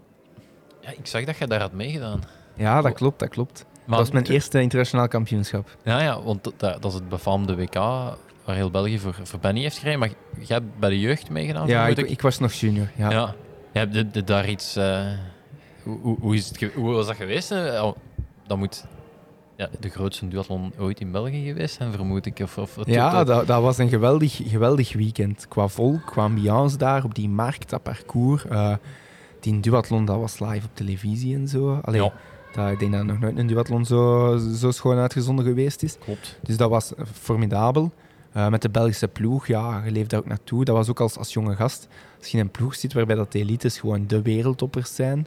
Niet ene, maar meerdere. Jurgen de Reer zat ook in die ploeg. Ja. Gaat bij de belofte de Jury, de Peter Kroes, gaat Nick Vinken. Dat waren allemaal kandidaten voor medailles te winnen. Eh, dus dat was, was een super ervaring. Eh, maar zoals zo vaak bij mij, je moet eerst een keer fout lopen. Nou ja, daar ook. En eh, tijdens het fietsen, ja, wij reden in een peloton. Ik moet zeggen, tot 2003 was bij de jeugd en zo eigenlijk alles non-drafting. Ze hebben dat dan veranderd, omdat internationaal was het ook allemaal drafting. Dus vanaf 2004 mochten wij zo wat beginnen stijgen. En eh, ja, ik, ik had er eigenlijk nul ervaring mee. Dus Ah, dat, dat nee. was, wa- was wat moeilijk in dat peloton fietsen. En ja, er reed daarin een, een beetje een manoeuvre gemaakt voor mij. Waardoor dat hij eigenlijk met zijn achtertrein in mijn voorwiel zat en een paar spaken gebroken en ik kon niet verder. Ja, Dus eh, ja, dat WK eindigde in mineur met wat traantjes langs de kant. De race zat erop. Ik moet je wel even teleurstellen, want als, je- als je met iemand met zijn achtertrein in uw voor, dat, dat, dat, dat is uw fout. Hè.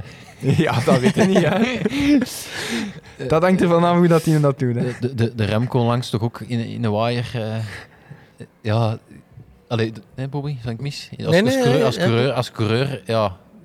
Met een Als, u, auto als, hè, gat, als uw gat er voorbij is, dat, dan doe je wat je wilt. Dan moet een achterste zien dat hem, dat hem kan corrigeren. kan corrigeren. Eigenlijk. Ja, maar het is niet dat we daar gecontroleerd aan het ronddraaien waren. Dat is, dat is zo in peloton rijden, maar daar zit geen structuur in. En de ene schiet dan een keer naar links of naar rechts. En dan schiet er een naar voor en naar achter. En... Ja, goed. Maar ik- het ik lag ook aan mijn ja. onervaring. Dat is eh, ook, ook, ook zo. Eh, Ja, ja, ja en ja, gisteren was er een GP eh duathlon in Ploe. Hè. Ook een, een, een valpartij in, in, in Ja, het ik zag een filmpje van ja, ja. passeren. Ja. Wow, ja. Is ook even, even, even verschieten, want in, in, allee, dat zie je in duathlon, maar inderdaad, er zijn heel veel jongens die...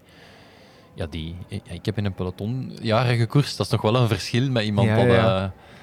eh, eh, ja, dat dat voor de eerste keer doet. Hè. Eh, Ja, dat is zeker zo. En ja, het is, soms is het alleen in, in pelotonrijden gevaarlijk, hè, gewoon. Maar als je dan ziet, die wedstrijd in Plouelle was precies op gewoon een recht stuk asfalt, waar dat ze rechtdoor rijden en, ja, en een valpartij gebeurt. Allee, het kan stom gebeuren ook. En Ja, ja, maar oh, allee, dat is denk ik meest onderschatten. Eh, Dat, dat is juist in peloton rijden, als het wat stiller valt en iedereen heeft wat tijd en, en begint wat, wat Je kan iedereen elkaar. opschuiven. Hè, Ja, dan, dan vallen ze juist. Maar ehm, allee, dan, dan toch maar eens, nog eens een shout-out naar de het Triathlon Federatie, want de, de, de maandagen dat we op zolder kunnen rijden, is voor iedereen wel een, een goede gelegenheid om eens eh, Ja. wat, wat in peloton te rijden en, en, en wat te koersen. Want, ja, dat is een zeer mooi initiatief. Ik denk dat dat inderdaad ook zeer leerrijk is. En in het verleden ging ik ook, probeerde ik ook regelmatig eens naar Ginder te gaan om in, groep te koersen daar en zo en, en dat te leren. Dat is inderdaad wel, wel een goede...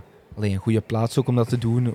Allee, op het circuit, veilig van het verkeer. En ja, ja, en je moet je er ook een beetje op het gemak voelen, hè, denk ik. Allee, Ja. in een peloton moet je daar eh, een beetje relax kunnen in, eh, in, in voortbewegen of zo. zeker. Ja. zeker. Zat je ook niet in, in zo de commissie van de VTDL of zo? Ja, ik zit ook in de topsportcommissie als atletenvertegenwoordiger. Dus eh, En dat is er maar één. Nee. ja, dat, ja, Ik weet dat omdat de Pieter die stuurt vaak die verslagen door. die, die leest dat altijd. dus, eh, maar je hebt normaal gezien een atletenvertegenwoordiger voor de korte afstand en voor de lange afstand. Maar momenteel ben ik de enige die er nog in zit. Dus misschien dat de Pieter, hem zich kunt engageren voor de lange afstand. Maar is beter zo secretaris of zo. Maar Dat is een eh, rol op zijn- ja, nee, zo- dus Ik weet dat niet.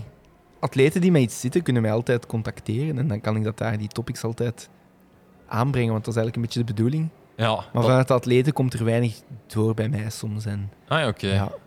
Ik probeer die, die dingen die daar, de topics die daar aan bod komen, ook wat meer eh, uit de bril van de atleet te bekijken. Maar wat zijn, wat zijn zo de dingen dat daar besproken worden? Want dat, dat is altijd... Allee, ik heb niet nog dat de laatste jaren beter is, maar in het verleden toch echt wel heel veel bagger over in, ja, heel veel bagger over in gehad en zo, toch, de, die commissies en... eh, Ja, nu in topsport is het sowieso. Het is ook moeilijk om, om voor iedereen goed te doen. Dat is een beetje wat ik ook zei van de athlete committee. Ja, ja, Kies dat is. tussen, allee, tussen een, een slechte en een, minder slechte keuze soms. Maar goed, maar, maar, maar topsportcommissie, ja, er wordt ook heel veel documenten besproken. Eh, ja, Reinoud bereidt een, eh, allee, een beleidsvisie voor. Wij moeten daar ook onze feedback op geven, onze commentaar. En, en hij gaat het dan nadien bij, bij Sport Vlaanderen voorstellen en, en, en daar geld voor vragen. Zo van die zaken. Eh, het is niet dat wij daar eh, selecties maken voor wedstrijden. Dat wordt eigenlijk gebeurd, allee, dat gebeurt door de bondscoach samen Ja. met de twee topsportcoördinators, de Franstalige en de Vlaamstalige. Dus. Maar steekt je daar veel tijd in? Goh, dat zijn een aantal vergaderingen, allee, twee maandelijks laten we zeggen. Ja. En dan moeten, ja, je krijgt op voorhand de documenten en zo moeten we wat doornemen. En dat je weet waar dat de vergadering over gaat gaan. ja. Dus eh, Het zou wel iets zijn voor de Pieter, want hij leest wel echt alles wat dat er Ja, ja. Dat, Ja, Ja. maar ik vroeg hem gisteren, of wat, nee, was dat ik zei, ah ja, eh, nee, vrijdag vroeg ik, ah, wie gaat er Belgisch kampioen worden op de kwart? En zei, ik heb de startlijst nog niet bekeken, dus allee, hij is wel aan het verliezen. Normaal geeft hem dan een voorspelling van die, die redelijk correct is. die, die er niet ver naast zit aan u. Hij had de startlijst nog niet bekeken. Dus, eh, Misschien een sociale detox. Allee, social media detox. Ja, dat kan wel. Dat is misschien... eh, dat klopt wel. Ja, ik, weet, ik weet ook dat ze eh, op een bepaald moment op zoek gingen naar iemand van de offroad atleten voor in de... Ja, dat kan, ja. Ik denk dat die rol... Dat, dat, dat er niemand dat op zich heeft genomen ondertussen om Ja. in die dingen te zitten. Ja. Maar het is... Ja, ik denk dat veel mensen ook wat afschrikt om... om ja, je kunt niet voor iedereen goed doen. Hè. En, Nee, en- dat en is zeker kunt- zo. En, maar nu, het zijn ook dingen, het zijn opgelegd, ah, dingen die ook opgelegd zijn van bovenaf. Van kijk, een federatie moet een topsportcommissie hebben. En daar moet een vertegenwoordiger in zitten van de Ja. atleten. Een vertegenwoordiger van de clubs, een vertegenwoordigers van de, van de, van de jeugdtrainers. Een vertegenwoordiger zit daar van eh, BOIC, een vertegenwoordiger van Sport Vlaanderen zelf. Dus allee, dat is ook gewoon een gang van, van, van, van zaken, hoe dat moet gebeuren. Eh, dus ja. Want jij mocht ook zelf topics aanbrengen, vermoed ik. Als Ja, jij, tuurlijk. Het is dat ook wat ik zeg. Stel dat er atleten zijn die ergens een probleem... Allee, die ergens niet mee akkoord zijn of zo, Maar- kunnen ze eventueel via mij vragen dat ik dat daar een keer ga aankaarten Ja. en voor hun ook nadien eh, voor- allee, wat Maar- meer uitleg kan geven. Of... En, en wat zijn dan de problemen? Is dan bijvoorbeeld het probleem dat, dat ik zeg, ja, en ik krijg maar één broek en Jelle Geens krijgt er vijf? Is Bijvoorbeeld, dan zou jij mee naar mij kunnen afkomen en dan ga ik dat ginder proberen al uitleggen en dan ga ik u nadien eh, proberen een, een goed antwoord op te geven, dat je hopelijk vrede meeneemt. Ja. Of, of gaat het dan meer ook over... eh, ja, ik weet het niet. Eh, Maar kijk, bijvoorbeeld, het kan ook zijn van... in het verleden is het ook zo discussies geweest of bijvoorbeeld van privé-sponsors drukken op de pakjes van de federatie. Ah ja, dat is wel een goeie geweest. En Ah, ja, zo, er is een tijd geweest dat dat no- niet kon. Er kon geen privé-sponsor-logo op een pakje. mhm. Maar dan uiteindelijk had de federatie zelfs ook niet genoeg sponsors-logos om op het pakje te drukken, dus dan waren er toch vrije plaatsen. Ja. En dan was het idee van de federatie ooit misschien geweest van... Ja, ze mogen ze erop zetten, maar ze moeten betalen ervoor. Ja, maar ja, ja. die atleten verdienen al bijna nauwelijks iets. Die moeten al... En als ze dan een keer iets van return zouden kunnen doen om dat logo erop te zetten, Ja. moeten ze misschien aan u de helft van wat dat ze krijgen. Allee. Of dan hebben ze discussies met concurrerende sponsors. Bijvoorbeeld federaties door Polar gesponsord, maar sommige atleten krijgen van Garmin. ja. Dus zo'n topics kunnen daar besproken worden. En Ah, ja, ja, dan is het ook aan mij om, om de atleten een beetje hun kant te verdedigen en dat te doen. En ik kan mij redelijk goed die atleten mindset... Ah, ja, oké. Nee, nee. Ja, is inderdaad wel een hot topic. Want ik heb ooit eens... eh, bij mij stond ooit sportoase op mijn eh, pakje. Eh, en, ja, en ik vond van... Ja, ik, wat ga ik reclame maken? Ik, ik, ik, ik heb daar krijg er dingen. niks van. Dan heb ik een zwemabonnement gehad. Wat Ja, ja. En sindsdien Als zijn er du- drie atleten. als duatleet ook wel raar is, maar goed, dan was dat wel voor mij... Oké, ja, dan... Ja, WK wel. duathlon, Ja. tegen krijgen ze een moment. Dus eh, nee, nee, dat, inderdaad maar dat is- opgelost eh, op die manier. Ja. Maar dat zijn soms kleine dingen en eh, allee, daar wordt soms ook niet hevig over gediscussieerd. Het kan voldoende zijn dat ik zeg, ja, maar ja, logische ge- gedachtegang. Dat ze zeggen, ja, inderdaad, dat is waar. pff, we hebben het met een andere bril bekeken, maar oké, goed, web, en dat is in orde. ja, Allee, het zou moeilijker zijn dat je zegt, goh, ja, dat, dat pakje van BioRacer, ik ben gesponsord door Deca en ik kan dat BioRacer-logo absoluut niet zien. Of ik wil dat er Deca op ja, maar komt. dat is het grappige. Ik word gesponsord door Orca. Hè, en Ja. ik, eh, ik zet dan gewoon Orca op dat BioRacer pak. Wat eigenlijk Ja. ook heel raar is, hè. ja, ja, ja. Dat BioRacer drukt dan een concurrerend logo op. ja. Daarmee dat misschien zo lang geduurd heeft. Kan ook. Maar goed, ik denk Maar- dat we... Cool dat je dat doet, uiteindelijk. Dat, je, allee, dat je die verantwoordelijkheid neemt. En, eh, Ja, Maar ik vind ook dat je eigenlijk... geen- hè, zo, er wordt toch vaak geklaagd en zo over... Allee, of door atleten. Ik vind dat je geen recht van klagen hebt als je niet mee geëngageerd... Of niet moeite hebt gedaan om een probleem mee aan te kaarten. En Het is dat, ik heb ook ooit meer aan de kant gezeten die soms kloeg of, of, of niet akkoord was met de federatie. Ik denk dat het dan wel belangrijker is dat je dat dan positief omzet en nadien zegt van kijk, ik ga me engageren een beetje. En uh, allee, atleten die ergens mee zitten, kunnen via mij ook allee, hun stem kwijt en ik kan dat daar op tafel gooien en ik ga wel mijn best doen om dat te verdedigen. Zeker als ik 100% uw standpunt ook kan volgen. ja. Ook als dat niet is, ga ik het op tafel brengen natuurlijk. Hè. Ja, ik- Maar jij weet dat uw mailbox nu gaat ontploffen. hè. Ja, Eh, dat- dat- eh, ik ben in blijde verwachting. Eh, nog iets, één iets ik wou eh, vragen. Allee, de, je hebt eigenlijk heel lang hè, zo het internationale circuit afgereisd. Ehm, veel mannen die stoppen met triathlon als het dan, of met sport als het niet meer draait gelijk dat ze willen. Jij blijft wel heel actief in, in. Is dat uit liefde voor de sport? Eh, gewoon om bezig te blijven? Of, Komt er nu een ommekeer? ja, Is er dat, nog, dat is nog een goede vraag, hè. Eh, Hey, want, ja, weet je, je hebt, allee, je hebt veel blessures gehad. Hè. Je hebt je, je Achillepees ook nog eens afgescheurd, herinner ik mij. Eh, om toch te, altijd te blijven, blijven doorgaan. En, Ja, en voor... Allee, ja, als je niet tien titels, dat zou, ik nu, dat zou ik nu wel nog voor gaan. Maar een keer alles daarboven, mensen tellen dat niet meer. Hè. Vergeten dat toch. dat klopt. Ja. Nee, ja, nu, ik heb wel nog lang die Olympische droom gehad. En dat is eigenlijk pas eigenlijk weggevallen eind 2019. Ja. Eigenlijk, en toen, allee, ik heb in 2019 nog wel internationaal proberen te racen, Europa-bekers. Stak toen vaak ook zo liever altijd wel iets mis.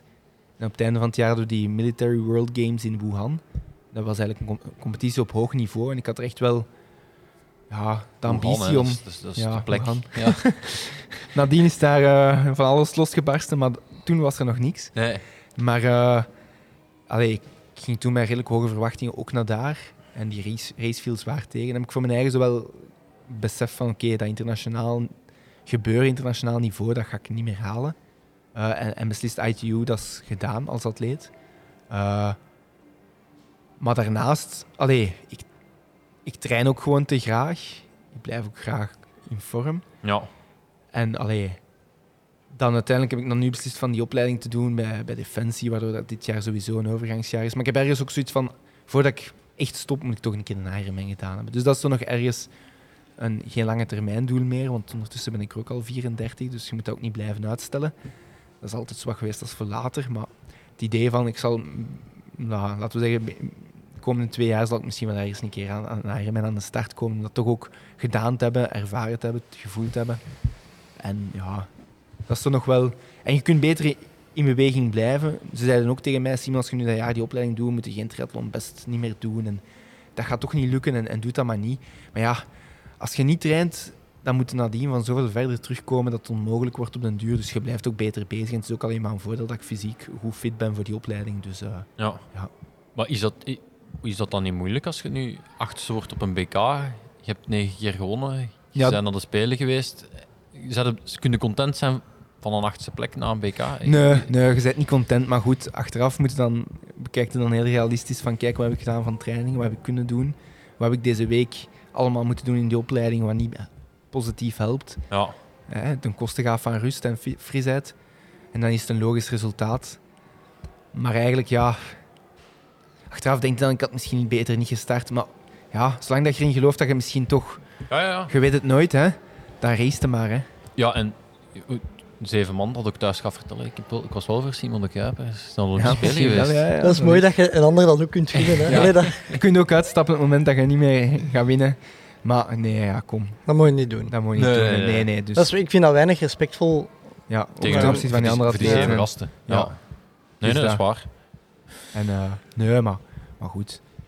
Maar ik hoop volgend jaar dan wel nog... Allee, misschien Die toch die tiende. tiende titel, dat is misschien toch nog ergens zoiets.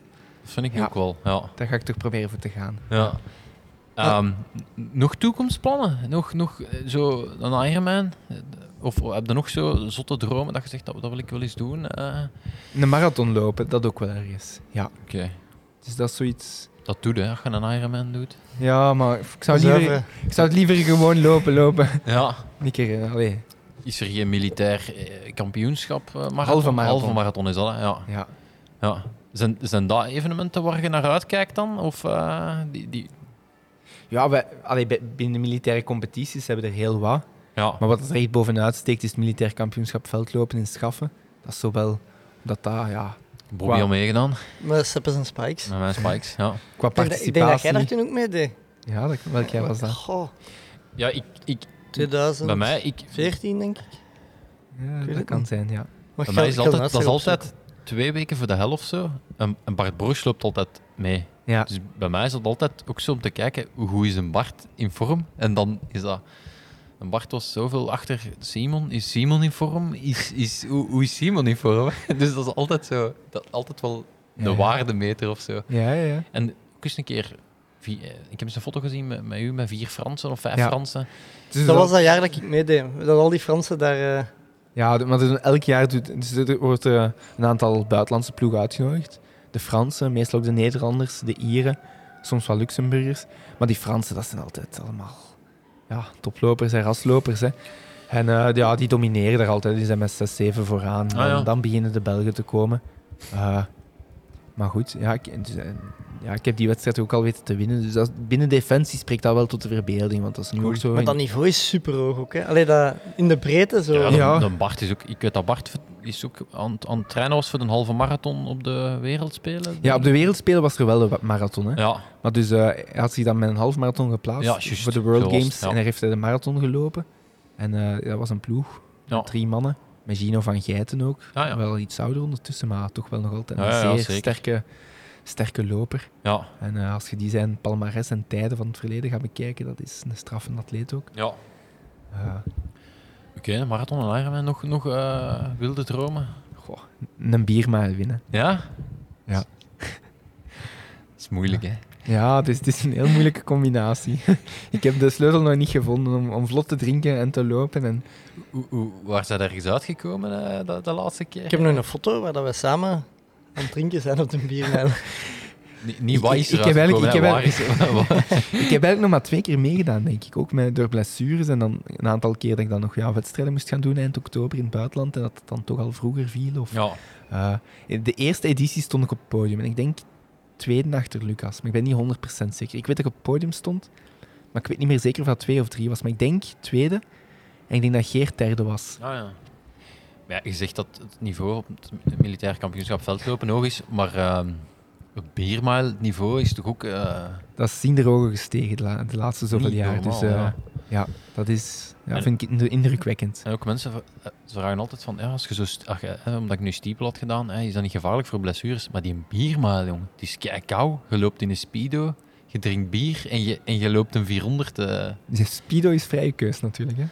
ja, ja, dat is toch onder lichte groepsdruk. Eh, Ja. dat is toch, ja, dat is toch een zot nummer eigenlijk. Dat is waar, dat is waar. Maar ja, ja dus, je kunt het moeilijk in het midden van het seizoen plannen natuurlijk om wat warmer weer te hebben. Ja, ja dat is waar. En ehm uw Ironman als, als prof starten of eh, als... Je kunt dat ook als militair meedoen. Je hebt in Lanzarote meegedaan? Aan Ja, ik, militair zat, ik zat in kampioenschap? opleiding. Hè. Ah, ja. dus dit jaar was er voor het eerst een militair wereldkampioenschap triathlon op de lange afstand. En dat, dat viel Ah, ja, in. Ironman Lanzarote samen met, dus samen met een Ironman. En daar kon u plaatsen voor... En nee, ja, kon je gewoon plaatsen voor Hawaii, maar niet binnen militair. Ah, ik dacht dat de, dat de dat die geplaatst dat is gewoon via de gewone slots. Ah ja, oké. Via de gewone slots. Eh, maar eh, ja, die, die Spanjaarden die spraken daarvan dat ze dat iedere twee jaar zouden willen organiseren. Dus in 2023 zou opnieuw het WK militaire in Ironman Lanzarote, allee, in Lanzarote vallen, samen met de Ironman. Eh, misschien, dat zou wel mooi zijn natuurlijk. Dan goed, dat, al genoteerd dan. dat is- als dat doorgaat, is dat wel iets wat ik... Omdat, ja, dit aan het voordeel en dan doe ik het met werk en zo. Dat, dat scheelt ook wel wat voor je eigen. Ja, dat is ja, op maar- zondag, dat is dubbele recup. Jij mocht wel niet samen starten, denk ik. Dat was, dat was, dat was Nee, een beetje dus- aan betand. Die zijn gestart in de age group race. Ah ja. Maar ja, goed, dat zou ik niet zo erg vinden. Ik denk, allee, als ik nu aan een Ironman zou moeten starten, zou ik liever als agegroeper starten dan als prof. De enige reden waarom ik als prof zou starten is omdat ik anders niet ingeschreven raak, omdat het al volzet is of zo. En Dat is wel ken je dat? Die ja. problemen, dan zou ik misschien zeggen... Lanzarote is nooit uitverkocht, hè. Nee? Nee. Ah ja. Maar Lanzarote is ook niet de eerste die ik zou willen doen. Als ik eerlijk ben, zou ik liever toch een andere race doen. Of... Ja. Maar... Ja. Ja. eh Seppe, je had ook nog enkele quotes gevonden. ja, van onder op zijn Oei, website, hè. oei. Ik zeg, eh, nee, ça va, ik, eh, ik kom er in vinden. ja. Als je schiet maar raak, boy. eh, those, who, those who do not believe in magic will never find it. Ja, dat is juist. Hè. Ja, dat is wel iets, denk ik, typerend voor mij. Ik bedoel, allee, ik droomde van de Olympische Spelen en velen zeiden, ja, dat gaat niet nooit lukken, dat kan niet, dat, je- ja, je bent niet goed genoeg. Ja, En ja, uiteindelijk, als je er zelf niet in gelooft, dan, dan gaat het nooit lukken. Maar je kunt, allee, nee, nee. soms je eigen wel verrassen ook, van je kunt veel verder geraken dan dat je wilt, als je er tenminste in gelooft en ervoor werkt natuurlijk. Ja, en het is ook de reden waarom dat je op een BK start om te winnen. Ook. Omdat je zegt, Ook, ja. ja. je weet nooit. Ja. Je weet nooit, ja. Smell the sweat, feel the joy, share the dream. Ja. Ja, smel de sweat. Ja, dat is nu niet dat ik... maar ik snap wat je wilt zeggen. ja. Dan, eh, I'm so good at napping, I can do it with my eyes closed. Ja, ik, dat doe ik nooit eigenlijk. Ja, ik ben echt een specialist in powernap. hè. Echt? En eh, ja, dat is... Heb je ook meegekregen in het leger? Of? Ja, ik had dat al lang voordien, maar In, in, allee, in een auto kan ik niet wakker blijven. In een vlieger ook niet. En eh, ja, nu in mijn opleiding ook. We hebben smiddags een uurtje vaak is dat ik kom dan op de kamer, eerst nog douchen, dan gaan eten. En ik heb dan iets van snel, snel voor doordoen en dan nog een kwartier op bed, ogen dicht. En ik lig er aan te slapen. Mijn twee kamergenoten, ja, die zijn dan op een gsm bezig. En ja, na een half minuut denk ik vertrokken. En ja, zo dat, dat powernappen en dat Zalig. specialiteit. En, Ja. Ieder zijn talent, hè. Ja. Eh Sepp, heb jij voor de rest nog dingen die je van de Simon wilt weten? Eh, nee, niet, niet direct, denk ik. Nee? nee. Ja, nee, dat, dat, ik- dat ik altijd blij ben om iets zwembad hier te zien. Hè. Dat, eh, ja, we komen elkaar hier in de sportoase Ja, veel tegen. Dat is ook een deel van, van sporten. Hè. Iedereen denkt dat is altijd maar alleen, alleen. Maar je gaat naar het zwembad en je komt mensen tegen. Je hebt een babbel, allemaal ja, gelijkgezinde zielen. klopt. En eh, ja, nee, ik zeg altijd, zwemmen is ook, is ook mijn, een deel van mijn sociaal leven. Hè. Eh, Ja, dat is, dat is.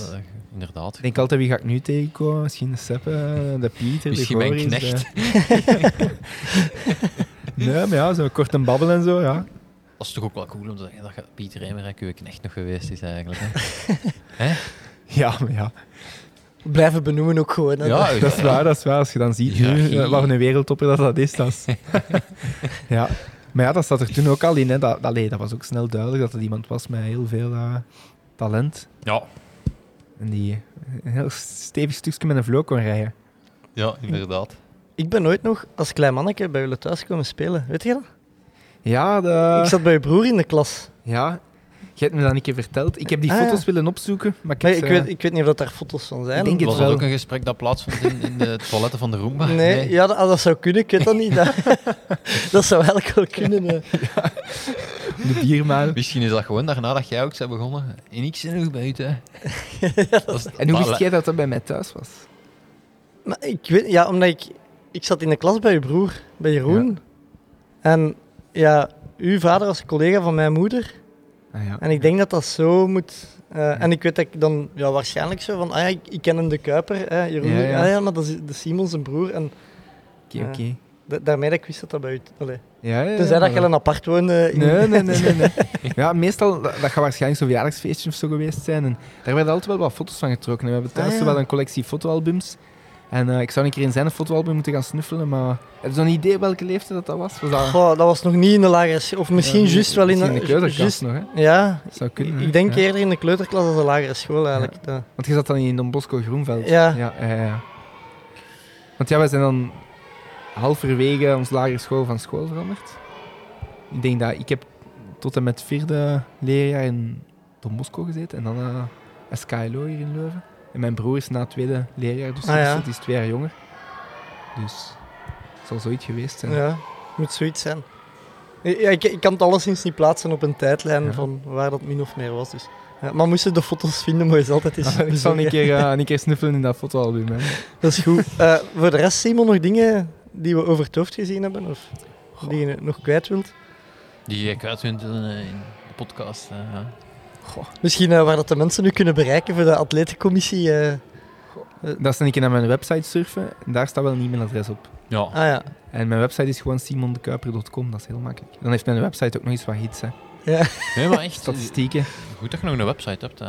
Ja, ik ga, ik ga een blog nog een keer wat up-to-date brengen met wat recente resultaten. Ik heb tot 2019 er wel wat opgezet. De kalender van 2020 stond er nog op. Ja, ah, wel ja, hup. Maar Je Ja. sponsors kloppen wel, denk ik, en zo. Dat is het belangrijkste toch ook. Nee? ja, als je, als je trouw blijft aan een club, dan blijven die ook wel lang hetzelfde. Dat is wel het voordeel natuurlijk. Dus die staan er allemaal het nog op. fietsmerk is aangepast, dus... Het fietsmerk is aangepast, dat, ja. Dat, dat, dat is niet altijd hetzelfde geweest, dus... eh, Nee, dat is een keer geswitcht, maar ja. Ja.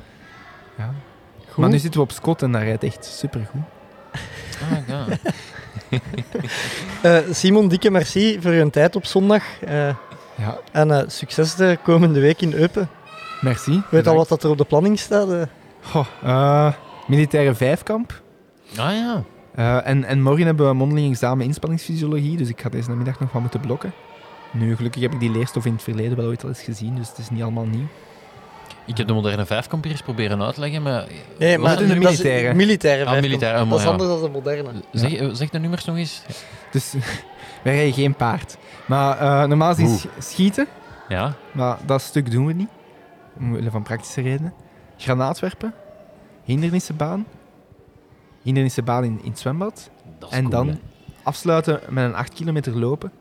En eh, de start van de 8 kilometer lopen is op basis van de tussenstand na de vier voorgaande nummers. En dus het is dan eerste finishen is winnen. eerste finish is winnen. Dus dat is wel Ja. leuk. En is daar een Belgisch record van? Dat zal wel moeten bestaan, want al de prestaties zijn gelinkt aan punten. En eh, zoals in de, in de teamkamp, hè. Ja. Daar kun je zeggen, ik score 5000 punten of zoveel punten. Eh, maar eh, ja, het Belgisch record is mij niet bekend hoeveel punten dat, dat is. En wij moeten om te slagen aan 3000 punten geraken op vier proeven. Dus dat is... eh, maar dat zegt u niks natuurlijk. Nee, Nee. nee. Eh, een andere, hè, bij u in de opleiding, de Vrij, Frederik Ja. van Lierde. Wie, wie scoort er het beste op de militaire vijfkamp? Ja, dat gaan we in oktober zien als test is natuurlijk. Hè. Maar eh, Is daar een livestream van? ja, we kunnen vragen aan Gert-Jan Danen of dat hij dan daar komt. Ja, ja. Eh, maar ja, Frederik van Lier, ja, mijn kamergenoot ook. En eh, ja, heel tof om met hem ook samen die opleiding te doen. Het is een beetje hetzelfde als in de MIF met de Jens. Je kunt toch een beetje het, het leed delen. Want Ja. sommige sporten zijn out of the comfort zone. En dan is het wel heel lastig. We hebben drie weken FTMA gehad, dus Fighting Techniques en Martial Arts. En Oh, dat joh. is echt eh, ja, op een gegeven moment gelijk MMA, hè, gewoon gaan. Hè, alles mag behalve in elkaars ballen slagen. En eh, dat is niet zo ons ding. Dus daar hebben we serieus afgezien. Eh, en dan zijn we nu blij dat we de vijfkamp doen. En dat is ook moeilijk, die hindernissen, maar dat zal wel lukken. Heb jij de dan lappen mogen verkopen? Of, of? Ik heb toch een paar stevige tikken uitgedeeld. Ja? Maar hij ook aan mij. Hè. Ja? In het begin denken we gaan elkaar geen pijn doen, maar vanaf dat er een en ander een, een klop geeft, dan, ja, dan is het vertrokken. Hè. Zalig. Eh, Zijn daar beelden van? Ik hoop van niet. dikke merci nog eens, Simon, voor je tijd. Seppe, merci om af te zakken tot in de sportoase in Leuven. Alsjeblieft. Deze was het voor mij voor deze week. Tot volgende week. Willen ze nu of willen ze niet? Doen we het of doen we het niet? Tommeke, Tommeke, Tommeke, wat doe je nu? Tom Bonne gaat wereldkampioen worden. Hij rijdt 5 per uur. Te snel voor ons. Stay on your fight! Fred gaat. En nog Fred. Jeff doen is iets. Jeff! Wat is er mis met Dumoulin? Hollands poepen. Hij heeft diarree. Don't stand on my dog or I cut your head off. Daar is hem, daar is hem! Daar is hem!